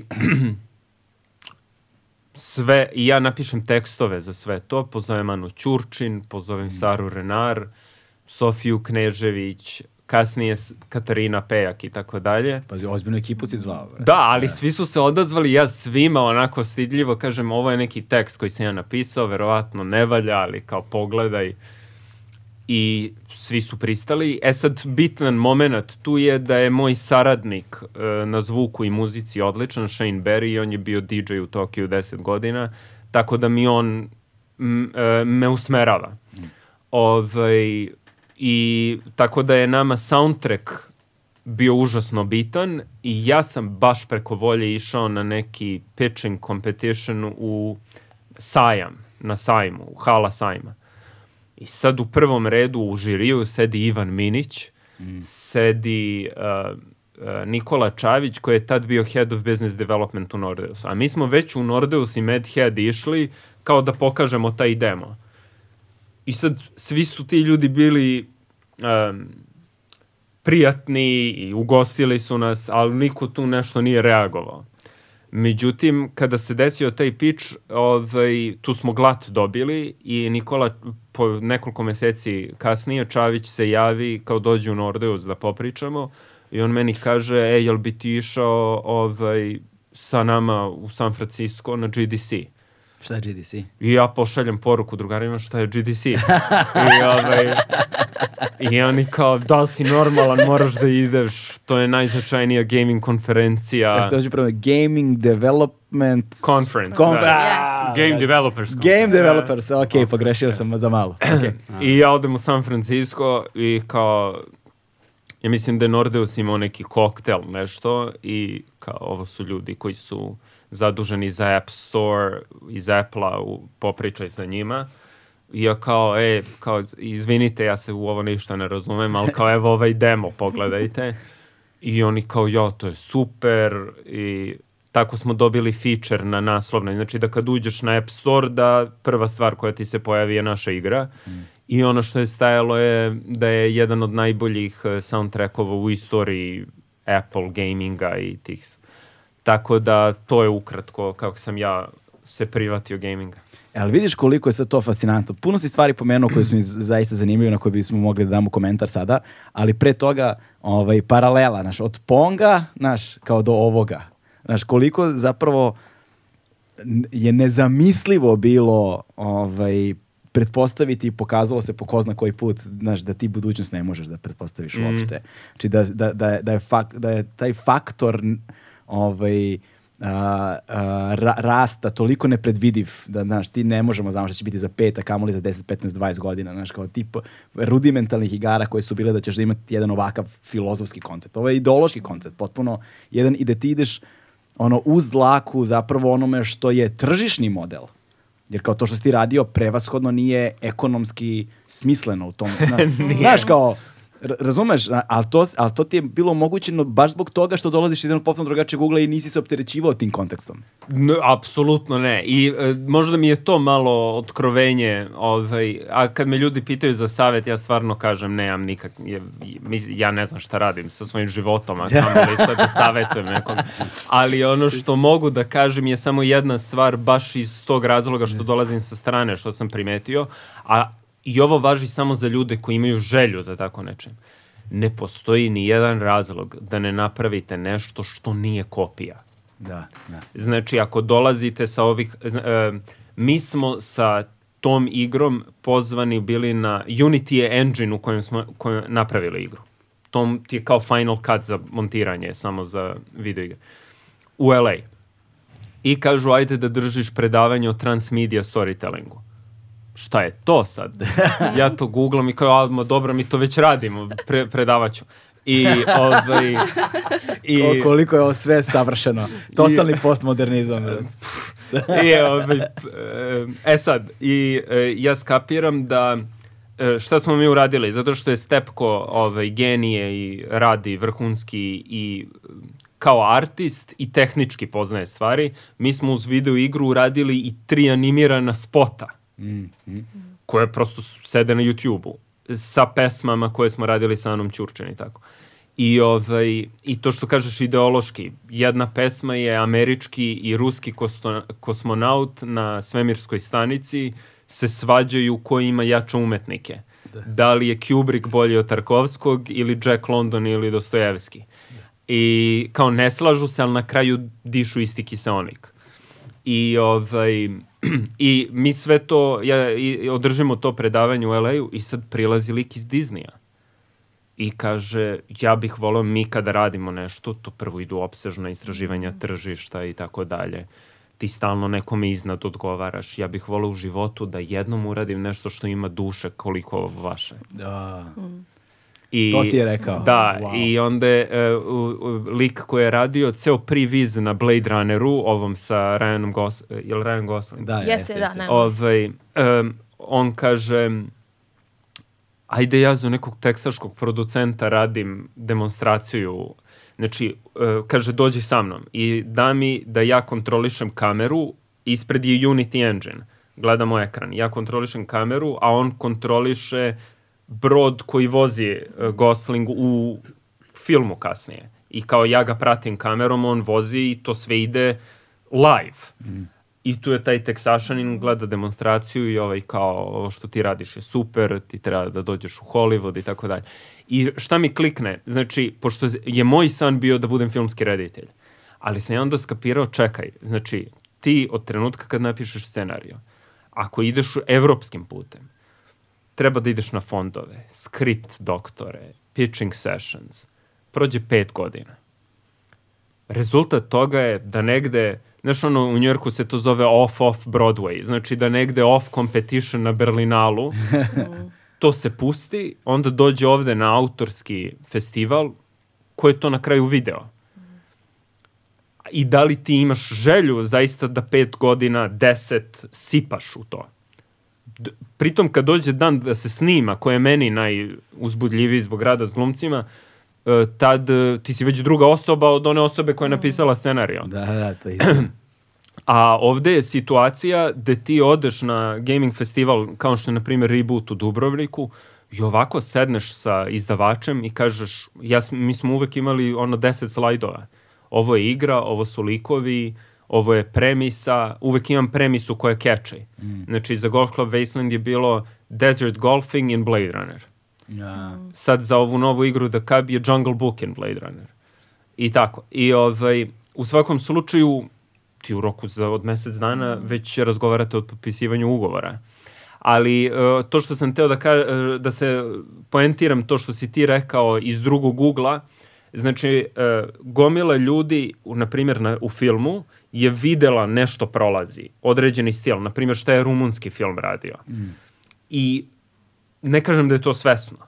Prosto njihova estetika ide u tom smeru. A mene je interesovalo kako da originalnost Dušana Makaveva postigneš danas. Mm. I, ovaj, i da, da ne postoji... Ra... Zašto bi ja kopi... neko rekao u, ovo je u stilu Akija Kaurismakija. Ajde da neko u Njujorku kaže ima neki iz Čačka. Mm -mm. Ja bih tako moj životni san je da snimim film kao on. Nema razloga da ti to nije jedna od mogućih aspiracija. Ako te to interesuje. Ovaj, I, e, na primjer, ako radiš dizajn, gomila ljudi ode na Elance, Upwork i onda imaju neke primere i onda na bazi toga rade logoje, drž ne daj. Naša želja je u Demagog studiju uvek bila da uradimo nešto što je originalno, što je sveže. Ovaj, a meni ogromno zadovoljstvo pruža da ja dođem u taj San Francisco i da onda likovima iz Apple kažem vidite mi u igri imamo spomenik Ilonu Masku koji je u fullu modero, modelovan na bazi spomenika Karlu Marksu iz istočne Nemačke. Znači totalni ideološki mešap i njima je to smešno, kapiraju da je ovaj, satira. Da, da, da ali, to, ali to tamo može. Znaš, to tamo neće nikog da uvredi, tamo je to fora, sve, da. znaš. Ali je vrlo zanimljivo, ali je super što onda odeš tamo i kako ti se zove studio Demagog. Znaš, i onda im pre... znaš, sve u vezi sa ovim što ti radiš je fascinantno. Prosto je Hvala. nevero... Zato što, znaš, od priče sa Polom Šrederom, koja je neverovatna iz jednog razloga, nešto što sam ja od uvek nazivao efekat karija, znaš, zato što sećam se, uh, pošto kari kao začin nije postojao oko nas, znaš, do 90-ih da. uopšte, i onda kada se pojavio početkom 2000-ih jebote, kari su stavljali u sve. Mm toliko je karija bilo, ljudi su smrdili u busu na kari, znaš, pošto je karija onako jak začin, pa kad se oznojiš, da. osjeća se ko luk i to. Da. I stavili su ga ono, samo što nisu u torte stavljali kari. Znaš, i, I onda treba vreme da se ljudi naviknu na taj začin, da ga ono koriste mm. umereno u onoj, pot, u onoj potrebi koja je neophodna, u onoj količini koja je neophodna da začine stvarno jelo koje je adekvatno za to, da. znaš. Je, jer taj efekat, taj Akari efekat, ga zovem se, posle sam primetio u svemu. Kad se pojavio 3D na filmu, ono, boli mm. me glava posle 20 mm. minuta filma jebo vas, 3D upropastiste film, znaš. Da. Više nemaš osjećaj šta je prvi plan, šta je drugi plan, šta je važno, šta nije važno, nego trpaj, trpaj, trpaj dok se nismo navikli i da. dok onda 3D nije postao samo zapravo još jedan element koji gde je potreban. Gde je da. potreban da unapredi narativ. Mm. Ali uvek imaš taj tranzicioni efekt, ono kad je nešto novo, pa udri. Znaš, da. onda ovo što je Paul Schrader rekao zapravo strahovito dobro rezonuje s ovim što si yes, pričao. Yeah. To je to, u suštini. A onda kada si pričao o tim uticima, znaš, kao uh, ovaj, um, uh, uh, kako se zove, radio je sa James Frankom ovaj film, pa Kidse, bre, um, Harmony Korine. Harmony da, Korine, da, što, znaš, kici da, su ono obeležili, yes. obeležili naše detinjstvo, čoveče, znaš, to je ta generacijska stvar, da, totalno, yes, znaš, yes, znaš, i onda, da. to je taj New York je, znaš, yes. o, kojem se go, o kojem se govori. Ima puno si stvari pomenuo koje zapravo samo mi kao jedan element, ono, puzle, kao slagalica, znaš, le, leži na to. Da. Ali, ovaj, ali je strava seg, segve, još si pomenuo za muziku, da. znaš, koliko je zapravo muzika prve igre gde sam ja a na telefonu, Aha. gde sam ja osetio ta, koliko mi ambijent i atmosfera me ono uvlače kao konspirativnu Da. igru i zaključavaju me od sveta totalno, gdje je bio i Limbo, čini mi se da je to bila prva. Sam u fazonu, a tako banal, mislim banalno, jednostavno, razlika je, nije isto. Da. Jednostavno izgleda, ali te tako vuče, ali bez Yes. zvučne slike to ne bi bilo to. Jeste. To apsolutno, i on je mora da se igra sa slušalicama. I taj dizajner zvuka je bog. Oni imaju neki sistem za te zvukove koji je... um, nije samo nalepljen kao za film, nego drugačije su reakcije i zvuka i animacije zavisno od e, situacije, isprogramirano je i zato je toliko um, streamlinovano iskustvo igranja, bez greške. Da, kako se on zove? Play Dead beše. Yes. Da, Play Dead da. studio, tako je. Da. to mi je da, bilo. To, to, ako mogu da se uključim samo, ovaj, sad opet se, ja, ja se vraćam na istoriju, u, u tom smislu ovaj Koji Kondo, ovaj kompozitor koji je radio sa Shigeru Miyamotom, je li tako, Mm. ovaj, a, mm, čuvenim Nintendovim a, dizajnerom, je jedan od prvih koji je o, koristio muziku, ja mislim, u, u Zeldi, upravo, Mm. ovaj, upravo u, u, te, u, u svrhe atmosfere. Znači, kada vi kao ulozi Linka uđete u određenu ne znam, pećinu, onda je tu drugačija muzika. Kad odete negde gde je otvoren prostor, onda je drugačija muzika. Znači, on je jedan od prvih koji je, naravno, tu je ovaj, tehničke mogućnosti ra razvoja tih muzičkih čipova svakako ovaj, doprinao kako bi se m- moglo zapravo više raditi sa, sa, sa muzikom u tom smislu.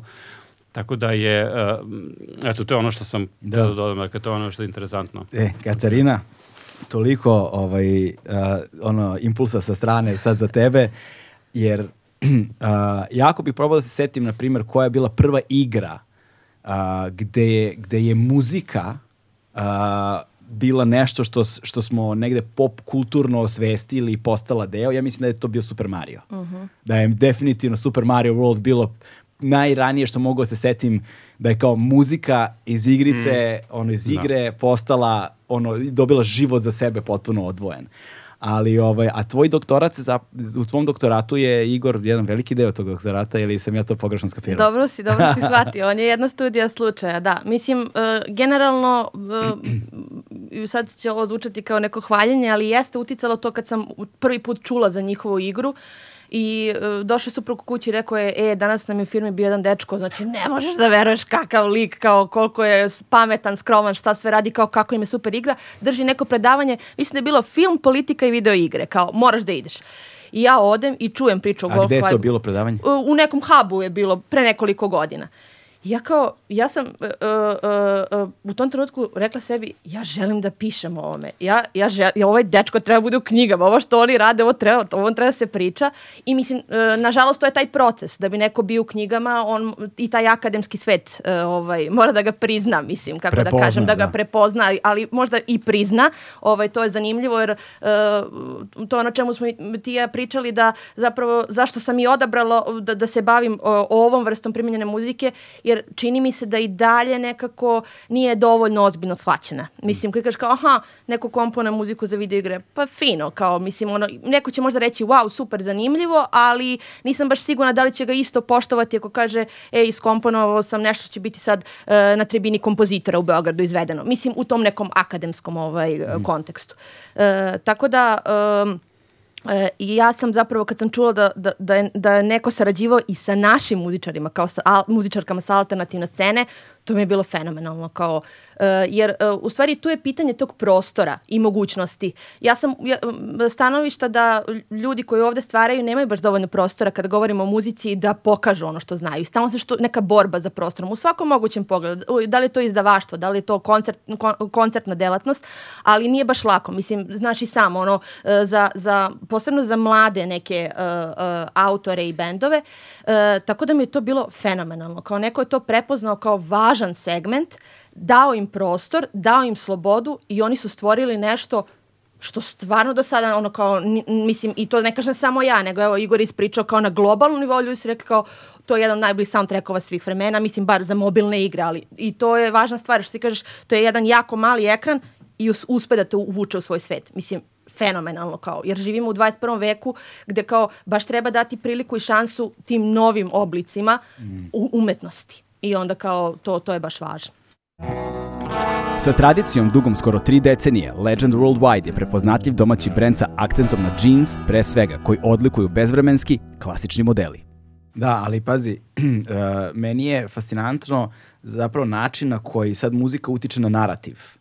Znaš, i sad ti si rekao, sad ja ne znam ništa o tome kako mm -hmm. su ovi iz Play Deada radili tu zvuk, da je to isprogramirana, isprogramirana ne mogu kažem isprogramirana muzika, ali kao neka zvučna slika, uključujući i soundtrack. Mm -hmm. Dakle, koji je isprogramiran, verovatno u zavisnosti od toga kako igraš, šta se dešava, ona se adaptira i prilagođava tim okolnostima, mm -hmm. sad ja to da, pretpostavljam, jeste, jeste, da. prilagođava tim okolnostima, a sad to sve treba negde isplanirati unapred. Da. Treba snimiti sve te zvukove treba ih programirati, treba mm -hmm. ih masterovati, obraditi, miksovati, da. treba neko da ima nekakav osjećaj za to. Znaš, to, sad, ja pretpostavljam da to, to pretpostavlja osobu koja ne samo da ima talenat, i vrlo konkretno znanje u muzičkoj produkciji, u snimanju ton, zvuka, o pravljenju zvučne slike, mm -hmm. u filmskom jeziku. Znači, opet govorimo o nekoj interdisciplinarnosti. Yes. Yes. Mora da ima i svest i, i kao duh zeitgeist jeste sveta kompjuterskih igara, da razume prirodu ovoga, da razume prirodu gamera, da razume prirodu ovoga i onoga i da sve te interdisciplinarne stvari uveže u jedan proizvod. Pa, e, nekako, bar u istoriji, najbolji ti primeri kao e, muzike iz videoigara pokazalo se da su zapravo ti kompozitori sve vreme vreme radili zajedno sa ostalim kreatorima igre. Znači nije bilo kao, ej, mi snimimo ovo, evo ti materijal, sad ti iskomponuj muziku. Znači zapravo uvek je bio taj, pokazalo se kao najbolji rezultat. Baš ovaj koji Kondo, uh, koji je radio Super Marija, kao od početka je bio uključen u igru i kao imao je on neku ideju, ali mu je jako taj input i ono međusobna saradnja uh, mu je do, doprinala da ono uradi jednu od najprepoznatljivih melodija svih vremena. Tako da... A pritom je ta melodija, koliko ja sad znam, pa je ovo su obskurne informacije, lik koji je radio, jel te, čovjek koji je radio muziku za Marija, on je bio heavily influenced ono japanskim uh, um, kako bismo to, to je kao funk koji ima taj, ono, oni su zovu, poslušajte band Cassiopeia. Aha. Znači, Aha, poslušajte band Cassiopeia i bit će vam jasno o čemu govorim, jer ja ne znam kako da nazovem taj band. Ono, a oni su zapravo, kad čuješ Cassiopeia, shvatit ćeš ceo spektar ono osmobitnih i šestnestobitnih igara na planeti Zemlji kao te, te melodije, te teme, to je band Cassiopeia mm -hmm. zapravo, koji sviraju funk i koji sviraju ono japansko, ne mislim, samo ukusiti Cassiopeia, sve će vam biti jasno, ne, mogu, ne, znam, ne umem da, da pretočim u reči to muziku. Meni je interesantno, ovo, izvini se što da. se prekida, meni je interesantno ovo što, što si rekao, taj odnos između ovaj, high arta i ovaj, muzike u videoigrama i ka, kako, je, kako je tu potrebno jedno vreme da bi se to na neki način ovaj, prihvatilo, ali ima, ima recimo jedan interesantan fenomen gde zapravo simfonijski orkestri dakle, profesionalni muzičari izvode muziku iz video igara. Mm -hmm. Dakle, a, kao što je Final Fantasy, kao što je Mario, dakle, čuvene te soundtrackove zapravo iz video igara, dakle, simfonijski orkestri organizuju, a, mislim, ovaj, uh, nešto sam malo i pisao o tome, ovaj, uh, koncerte koji su namenjeni, dakle, pre svega fanovima ovaj, mm. video igara, ali naravno i svima ostalima ovaj, kojima, je, kojima je to interesantno, kao, kao neku vrstu posebnog dakle, uh, događaja. Da, taj e. projekat postoji od 2002. To je zanimljivo, Video da. Games Live se zove i meni je baš bilo interesantno, i ja sam malo pisala o tome, uh, zato što, na primjer, uh, Melodija Super Marija je tu doživjela proces te remedijacije Znači ti si prvo imao priliku da čuješ u nekoj igri i onda neku radio aranžman i onda izvodi simfonijski orkestar. Sad za neku potpuno drugu generaciju i potpuno drugu publiku. I na taj koncert, e, to su kao arene, znači dolazi po 20.000 ljudi, ne može karta da se nađe za te nastupe, kao neki klinci koji u životu nisu bili na, čuli simfonijski orkestar, ali kao lože se na igre. A možda ni nisu igrali Marija. I mnogo je zanimljivo kao to formiranje te publike zapravo kroz, kroz različite medije. Mislim, o, o... Ali znaš što je meni zanimljivo? Volio bih da kažeš nešto više o tome. u, sad u istoriji razvoja uh, muzike u kompjuterskim igrama.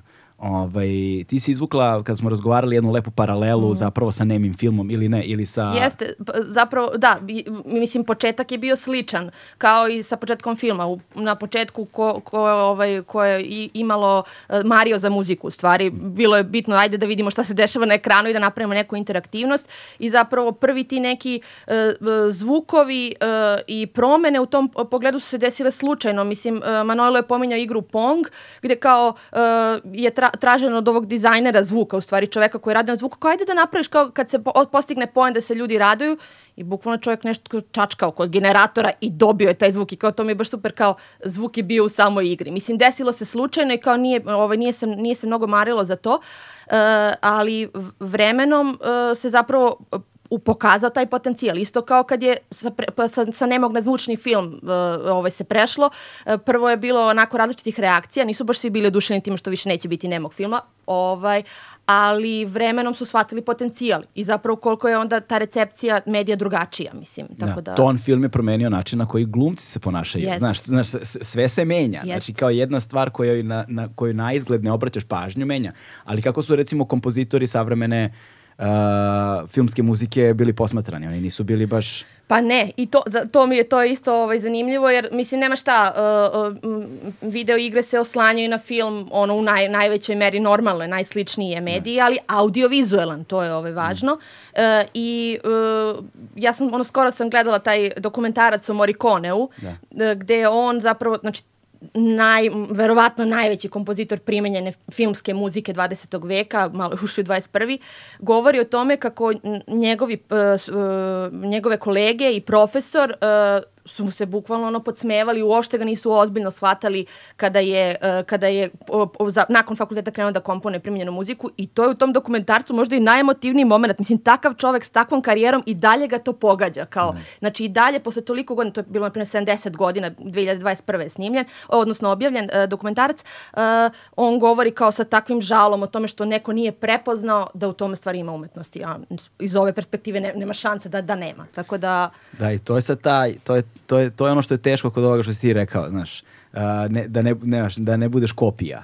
Da, ali, o, ali ono što je zanimljivo da se menja sad e, ta modla da li je ok raditi za video igre. Znači, Jeste. mi smo uhvatili, uh, na primjer, uh, Coyote iz Iceburna, ne. koji ti je bio ovde i opet, ja nisam mogao da verujem. Znači, ja sam išao uh, na akademiju sa ono u srednjoj školi sa devojkom čekali smo ga do 3-4 ujutro, on je lik sad e, na našem novom soundtracku e, fenomenalnu stvar je napravio na moj tekst. Da. I ovaj, ili na primjer uh, Mina Špiler uh, iz Laibach.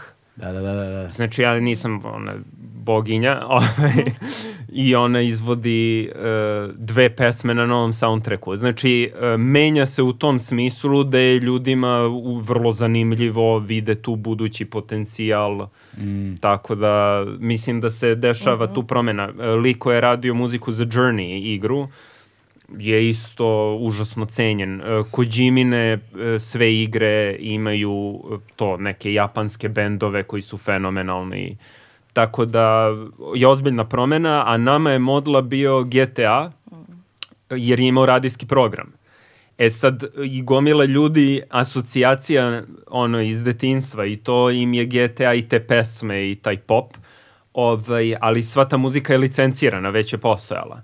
A naša logika je bila da sve pravimo od nule, jedan razlog je moj kompleksi, drugi razlog je da bi na kraju Demagog studio bio vlasnik u potpunosti intelektualne svojine koja uključuje i kod, i likove, i priču, i muziku. Oportunizam kod tebe nikad nije nestao u potpunosti. Ne, ne, ma, ja sam ljiga. e, ali ono što je fascinantno jeste um, način na koji se sada uh, ne sada, nego već neko vreme, dakle, gaming industrija uzdiže, odnosno pojedini ogranci, te, gaming industrije uzdižu do visoke umetnosti. I onda time što postižu taj nivo kvaliteta, sada imaju ot, potpuno otvorenu mogućnost ono dvosmernih ulica. Dakle, sada komuniciraju sa ostalim granama umetnosti. I ne samo sa, sa, sa, sa muzikom. Ti imaš recimo u igri spomenike.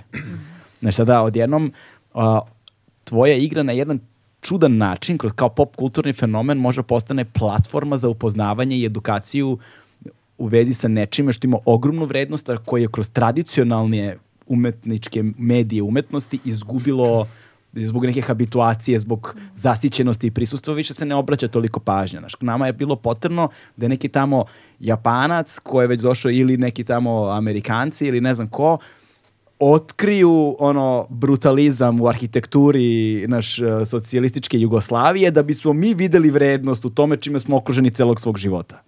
Na, I sada tvoja igra na sličan način zapravo inkorporira te neke elemente. To su, mislim, spomenici drugog svjetskog rata ili... Da, s tim što su više su e, postoje spomenici, s tim što je Genex najupečatljivija Da, da, ovaj građevina tu, jer e, na primjer igra koja će da izađe februara marta je u poplavi i onda je Genex poplavljen i ti onda samo na bazi postera vidiš aha, ovo je prequel, a onda vidiš Genex gde je samo obrastao kao deset godina kasnije. Ovaj, I onda je ljudima, fas, ja sam mislim odrastao na Novom Beogradu i to je razlog što imamo Genex. I to apropo e, našeg odnosa prema našoj kulturi i originalnosti, gomila cyberpunk e, estetike e, je inspirisana Hong Kongom, Bangkokom, tamo nikad nisam bio. Što bih se referisao na to? Godard, to on, ono, reditelj koji je umro ove godine, ovaj, e, i ino, ogroman inovator, ovaj, poslednji filmovi su mu čak i bili 3D, ovaj, on je napravio Alphaville uh, inspirisan delovima Pariza, Kubrick, Clockwork Orange uh, delovima Londona, što ne bismo mogli da za e, naš sci-fi iskoristimo blokove u kojima sam odrastao. Da. To je bila ovaj e, logika, a logika oko spomenika je, i to se zove, za to postoji termin, e, na srpskom se to zove world building, ovaj, i kreneš od građenja sveta. I to mi je ukačilo, ali vidiš, to je isto zanimljivo koliko se sad uh, ajde da kažem, legitimizuje gaming. Znači, ja sam world building skapirao, ja mislim, 2014. jer sam bio na Berlinskom filmskom festivalu postoji odeljak kao za mlade koji se zove Berlinale Talents. I bila je radionica od dva dana u organizaciji University of Southern California i Intel. Mm -hmm. Za world building Da. ja sam tu procvetao. Znači, bila je cela ideja, ajde da krenemo od nekih gradova, od nekih premisa, izgradite svet, a onda u okviru tog sveta pričice.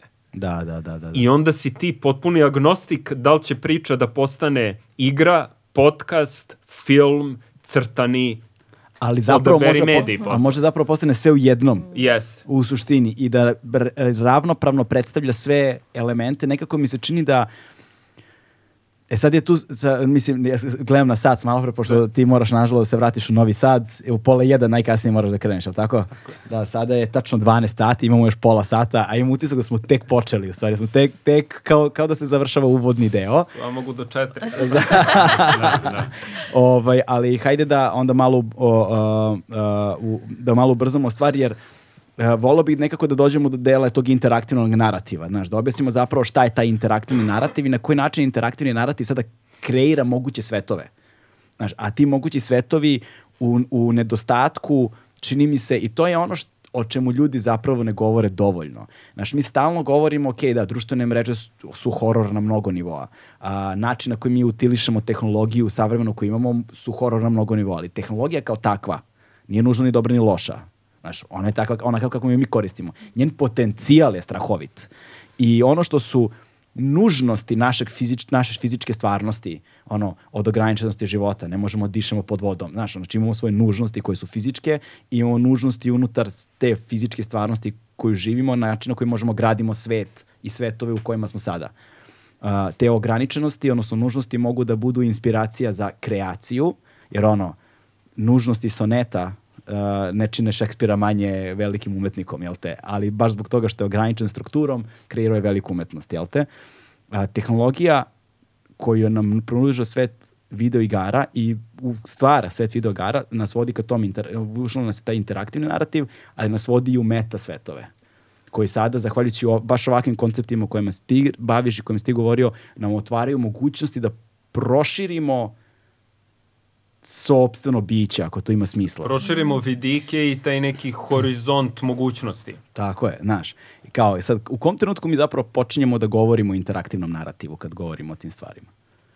Znaš, i šta zapravo znači interaktivni narativ? Pa, ovaj, taj, uh, tre- treba reći da kada je počelo, kada su zapravo akademski svet počeo da obraća pažnju na video igre i kada je video igre video kao nekakvu mogućnost, kao, kao predmet zapravo istraživanja, tamo negde sa kraja prošlog veka i početkom a, a, 21. veka, treba reći da se većina tadašnjih teoretičara a, pre svega su dolazili iz a, oblasti, kažemo, filmske umetnosti, iz oblasti naratologije, teorije književnosti, s jedne strane, a sa druge strane a, dolazila jedna mlađa generacija teoretičara koja je zapravo i zaista odrastala uz video igre i koja je na neki način nastojala zapravo da kaže da su video igre e, specifičnosti posebno za sebe i da ih treba izučavati, dakle, ne kroz prizmu, dakle, filmske umetnosti, ne kroz prizmu narativa, već upravo kroz prizmu igre kao takve. A, kao sopstvena metodologija, ka, sopstvena ka, dakle, predmetnost. Dakle, to, da. sopstvena metodologija. Na kraju krajeva postoji jedna zaista duga tradicija i u filozofiji i u, i u, i u sociološkim teorijama poručavanja igre kao takve. Ajde, mislim da ne krećemo još od antičkih Grka pa do ovaj Kreni slobodno.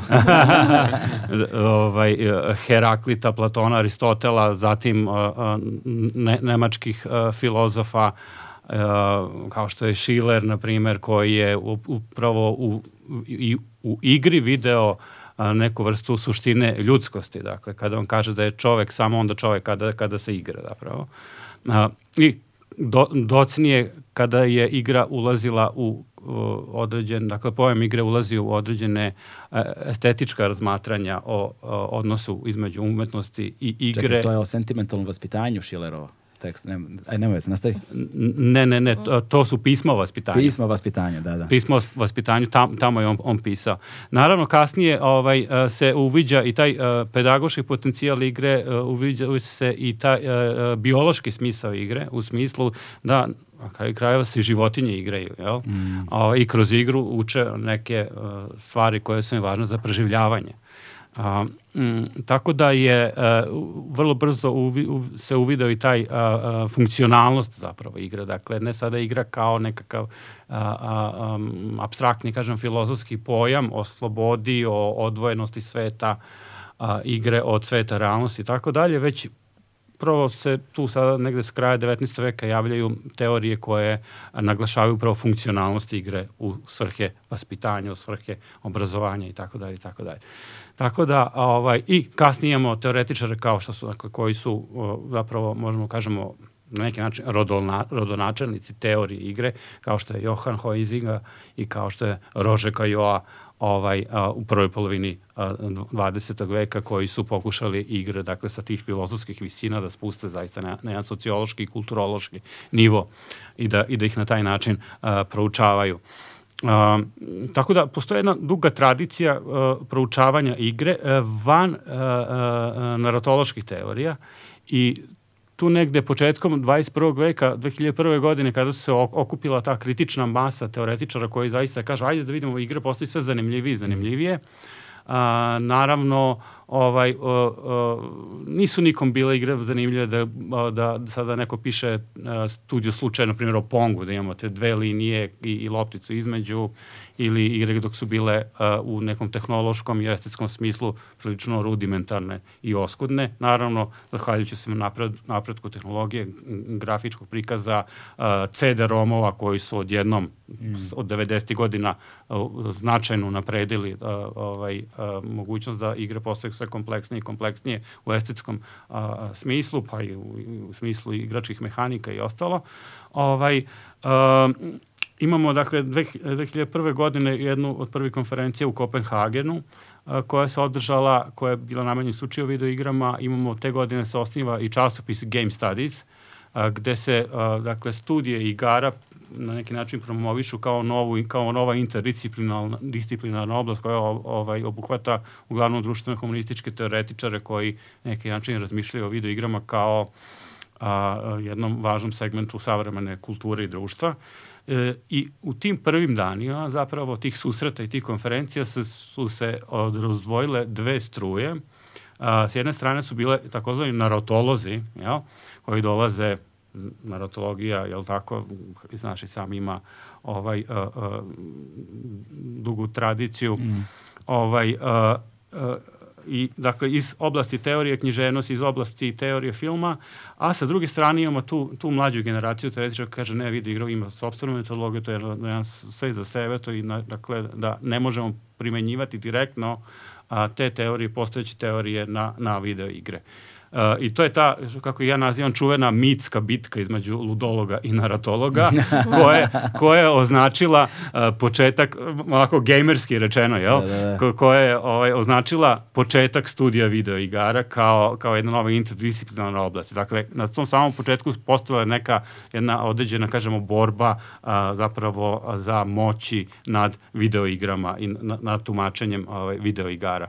Tako da su se uh, i u to vreme uh, teoretičarke kao što je Janet Murray, na primjer, ili Mary Lore Ryan, koje su, uh, su zalagale za tu poziciju i za zapravo značaj narativa o video, video igrama, one su bile među prvima koje su uh, Janet Murray na, na, ovaj, pre svega koje, koristi, koje su koristile taj pojam interaktivnog narativa kako bi na neki način sada tu pomirila jel tako dve strane. Dakle imamo jedan narativ ovaj, koji je, a, a, a, jel tako, sve su priče na kraju krajeva, mm. a, i sami ste pomenuli transmedijalnost a, narativa koje dakle mo, može da se premešta iz jednog u drugi ovaj medij, ali dakle na jedan ovaj poseban interaktivni način. Sada tu postoje kako kažem prilično razrađene teorije Mary Lore Ryan svakako za za vaše gledaoce i za neko slušaoce odnosno i za za vas koliko zanima upravo narativ u video igrama je razvila jednu onako kompleksniju teoriju upravo narativ u video igrama. Kasnije su se bavili i i drugi naravno tim pitanjem. Um, moram reći da je to tema koja je prevaziđena, ali tako odavno nema više te, prošla je mitska bitka ovaj, ludologa i na, naratologa, legitimno naravno da danas i jedno i drugo ovaj, u, u tom smislu, jer kao kažem, video igre su veoma, veoma kompleksan medij. Ne možete sve svesti naravno na priču, na narativ, a, vi možete imati sjajnu priču i sjajan narativ, a da igra ne bude, na primer, uopšte izazovna, niti uzbudljiva za igrače. Može u estetskom smislu, muzičkom, likovnom, vizualnom, je tako, da vas zapanji, je tako? Ali da nema taj igrački srpski rečeno vibe, je tako? O, o, ono što, šta te tera... reč poznata. Da, da. Ono, šta te tera da, da iznova, iznova pokušavaš da, da se trudiš da, da, da, da pređeš igru. Tako da je ovaj, a, naravno ja bih sada tu spomenuo uticaj filma koji je mhm. izuzetno značajan ovaj, i tu medijsku konvergenciju između video igara i filma.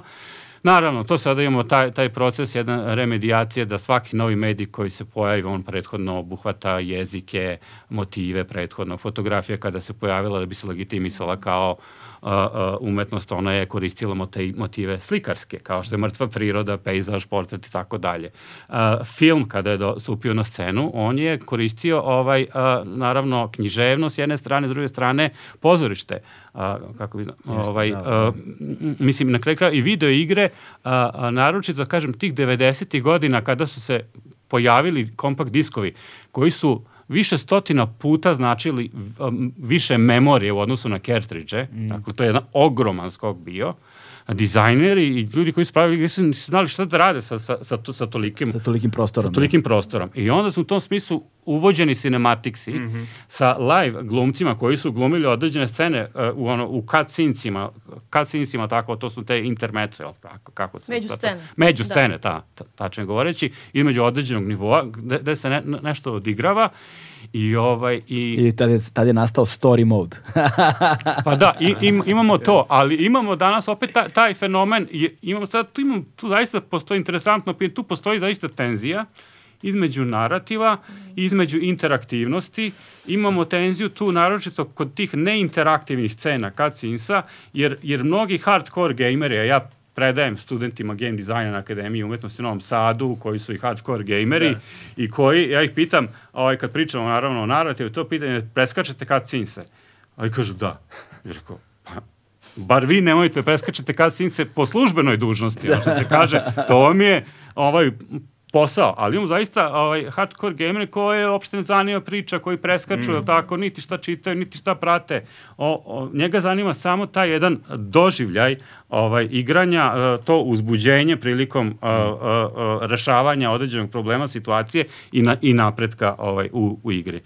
Tako da, a što se tiče sad medijske konvergencije video igara filma, to je ono od početka, ovaj, i na sam, sama prva konzola koja je došla od Odiseja 72. godine, ona je dobila ime po Kubrickovoj fi, filmu Odiseja. Da, da. Kasnije 79. godine ovaj Superman je Atari je ovaj izbacio igru Superman ovaj, uh, sa, sa ovim Ajkulom, ovim Jaws, ili tako, kad je izašla 76. godine, čini mi se, ovaj, ili pete, ovaj, uh, odmah je Bushnell, ovaj, vlasnik Atarijak, želeo da napravi igru koja će biti ovaj, sa Ajkulom, pa, on, pa je na igru nazvao Shark Jaws. I onda kako bi ovaj, na neki način izbegao tužbe i sve to, da. jel? A, je to mogao, da, da, da, onda je na kabinetima pisalo malim slovima Shark, a Jaws ovako velikim. I onda da, je kao, da. kao igra ta, Sajko.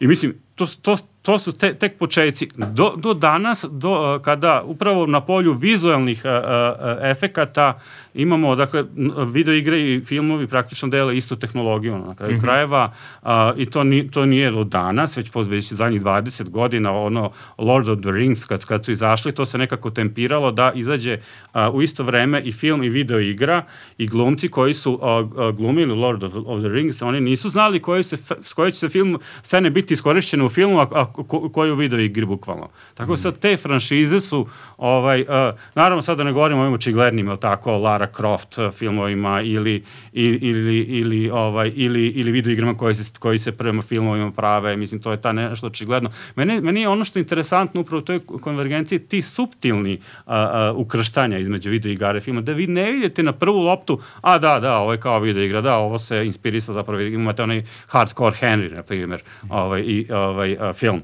gde je iz prvog lica, dakle sve je snimano iz prvog lice, prezasićeno akcijom, pucačinom i da, to je okej, okay, ono, to je ono prvu loptu, to je kao FPS, first person shooter, ono, jedan kroz jedan, nema greške.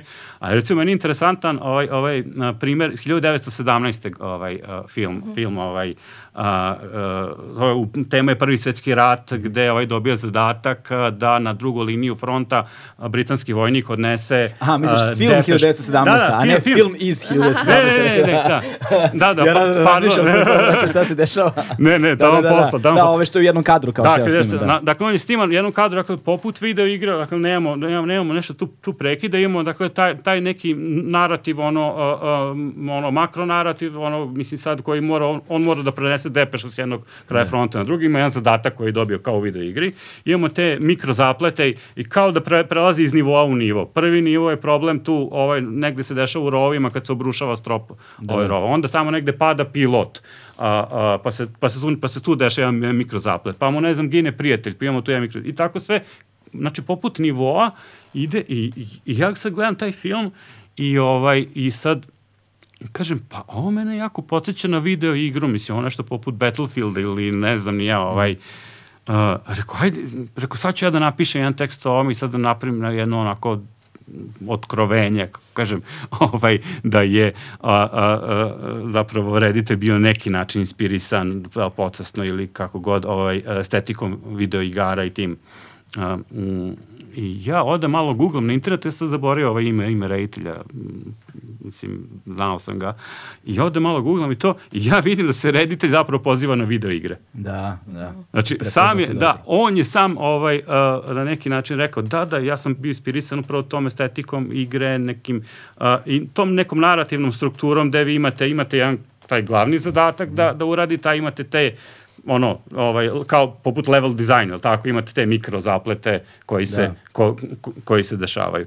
Tako da je, m, mislim, ta neka medijska konvergencija video igara i filma je ve, veoma interesantna, ja sam se time uh, bavio i pisao sam o tome, a ovaj, a, na kraju krajeva, mislim, te franšize i to, to je, s jedne strane, dakle, imamo tu e, estetsku konvergenciju na, u smislu i narativa i vizualnih da. efekata, druge strane imamo tu industrijsku sinergiju, da. jer to, to se planski radi, na primjer. Ovaj, e sad, da. ovaj, uh, ovo je fascinantno, nažalost nemamo puno vremena, ali zato što uh, to, to se lepo pomenuo, pomenuo se dakle taj, tu, taj identitet, znaš, i onda ta kulturne tačke identiteta su zapravo ono što je strahovito važno. Ti sad imaš generacije koje su odrastale, identifikovala se i kreirale, dakle, kreirale svoje identitete kroz svet kompjuterskih igara. Znaš, I onda to nužno utiče na stvarna sve, stvarni svet. I sve odjednom se sada ta dva sveta spajaju. I to su i meta svetovi.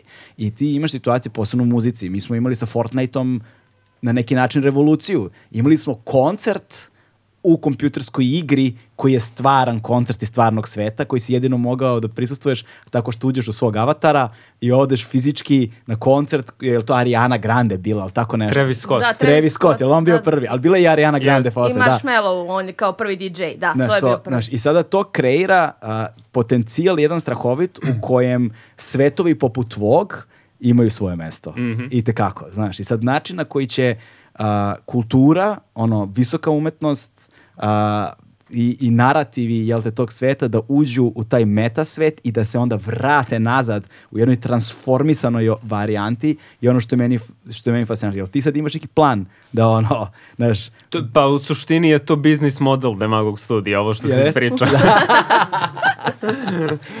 da, kreiranje sveta, baš smo razgovarali sa nekim da je e, naš svet pogodan, jer mi imamo to, ovaj pisac Will Self zove kao neka vrsta mentalne geografije. Mi imamo geografiju koja fizički nije logična, jer je Brisel, Alex Plac i Beograd su tu negde, ono, prošetaš. Ali je zanimljiva i vizuelno i kao poligon za video igre i za različite likove.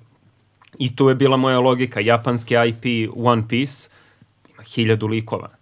Što znači da ta tvoja tačka identifikacije ima hiljadu mogućnosti kroz kog lika će tebe taj svet da uvuče, da te pridobije. Ovaj, apropo narativa, ovo što je Manojlo pričao o tome da dobra priča nije dovoljna i muzika i vizualno, mora sam gameplay da bude zanimljiv. E, evolucija naše kompanije je bukvalno rešavanje tog problema. Mi sad imamo 20 ljudi da. I tu su došli klinci koji zapravo žive video igre. I e, za, za nas, e, George Lucas je bitan i za tu evoluciju tehnologije. Znači, Lucas Arts je imao igru e, Monkey Island, Secret of the Monkey Island. I. Eto još jedne muzike. I koja je, pazi, to je pixel art bio, koja je na neki način inspiracija i za Pirates of the Caribbean uh, film. I um, znači imaš dijaloge kroz dialog bubbles, prešarmantno. Ja mislim da je bio i voice acting predivno. I tu je dobar primer kako je to uh, funkcioniše zajedno. E sad, ti danas imaš, znači romanopisac je napravio remek delo Disco Elysium. Znači, celu istoriju iz Estonije, znači cela istorija role-playing games, ovaj, koje imaju izgrađene svetove, biografije likova i tako dalje, ja to ništa ne razumem.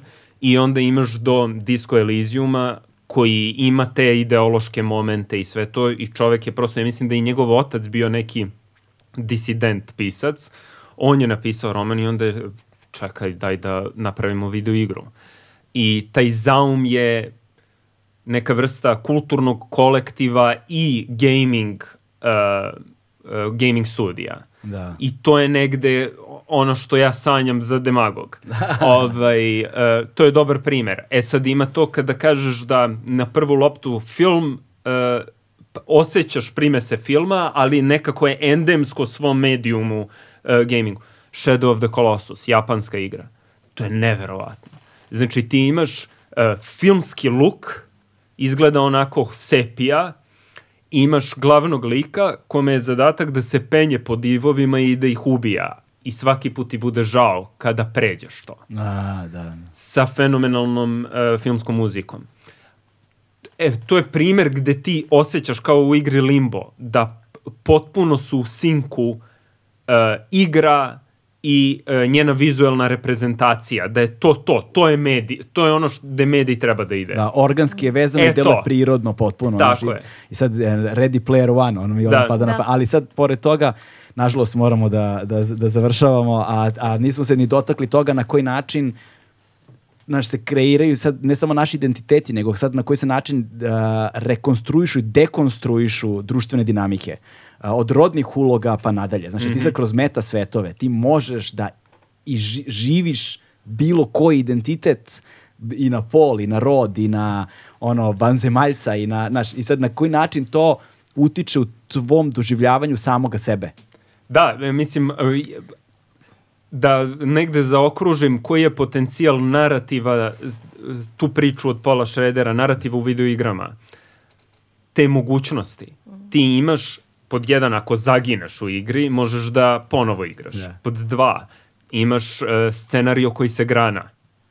Naši scenariji su, nažalost, um, linearni, pošto je moj mozak ne može te kombinacije, ali je fora u tome da ti na neki način imaš trenažni prostor za slobodnu volju, jer možeš da odlučiš da li ćeš moralnu odluku, nemoralnu ovu, onu i da izbalansiraš sve to u videoigri.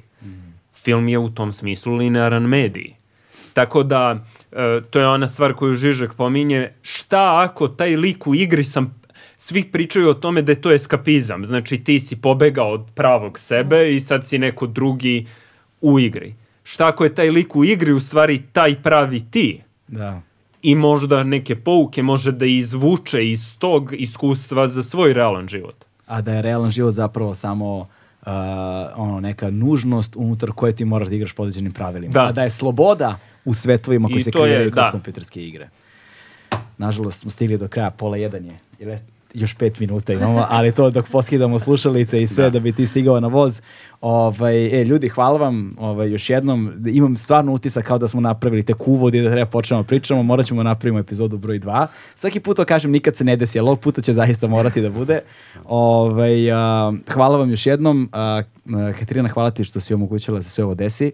Ovaj, Nema hvala super staru što nam je bio tu i hvala tebi na ovaj, dobroj volji i entuzijazmu da dođeš iz Novog Sada da izdvojimo ovo kratko vreme da porazgovaramo. Koliko? Svega dva sata otprilike.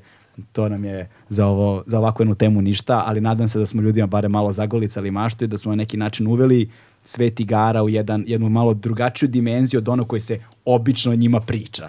Znaš, kao da li su igre štetne ili dobre? za- Da, da, da, da, da, da, da. To je to. Hvala vam. Hvala tebi. Ajde. Hvala. Ćao. A,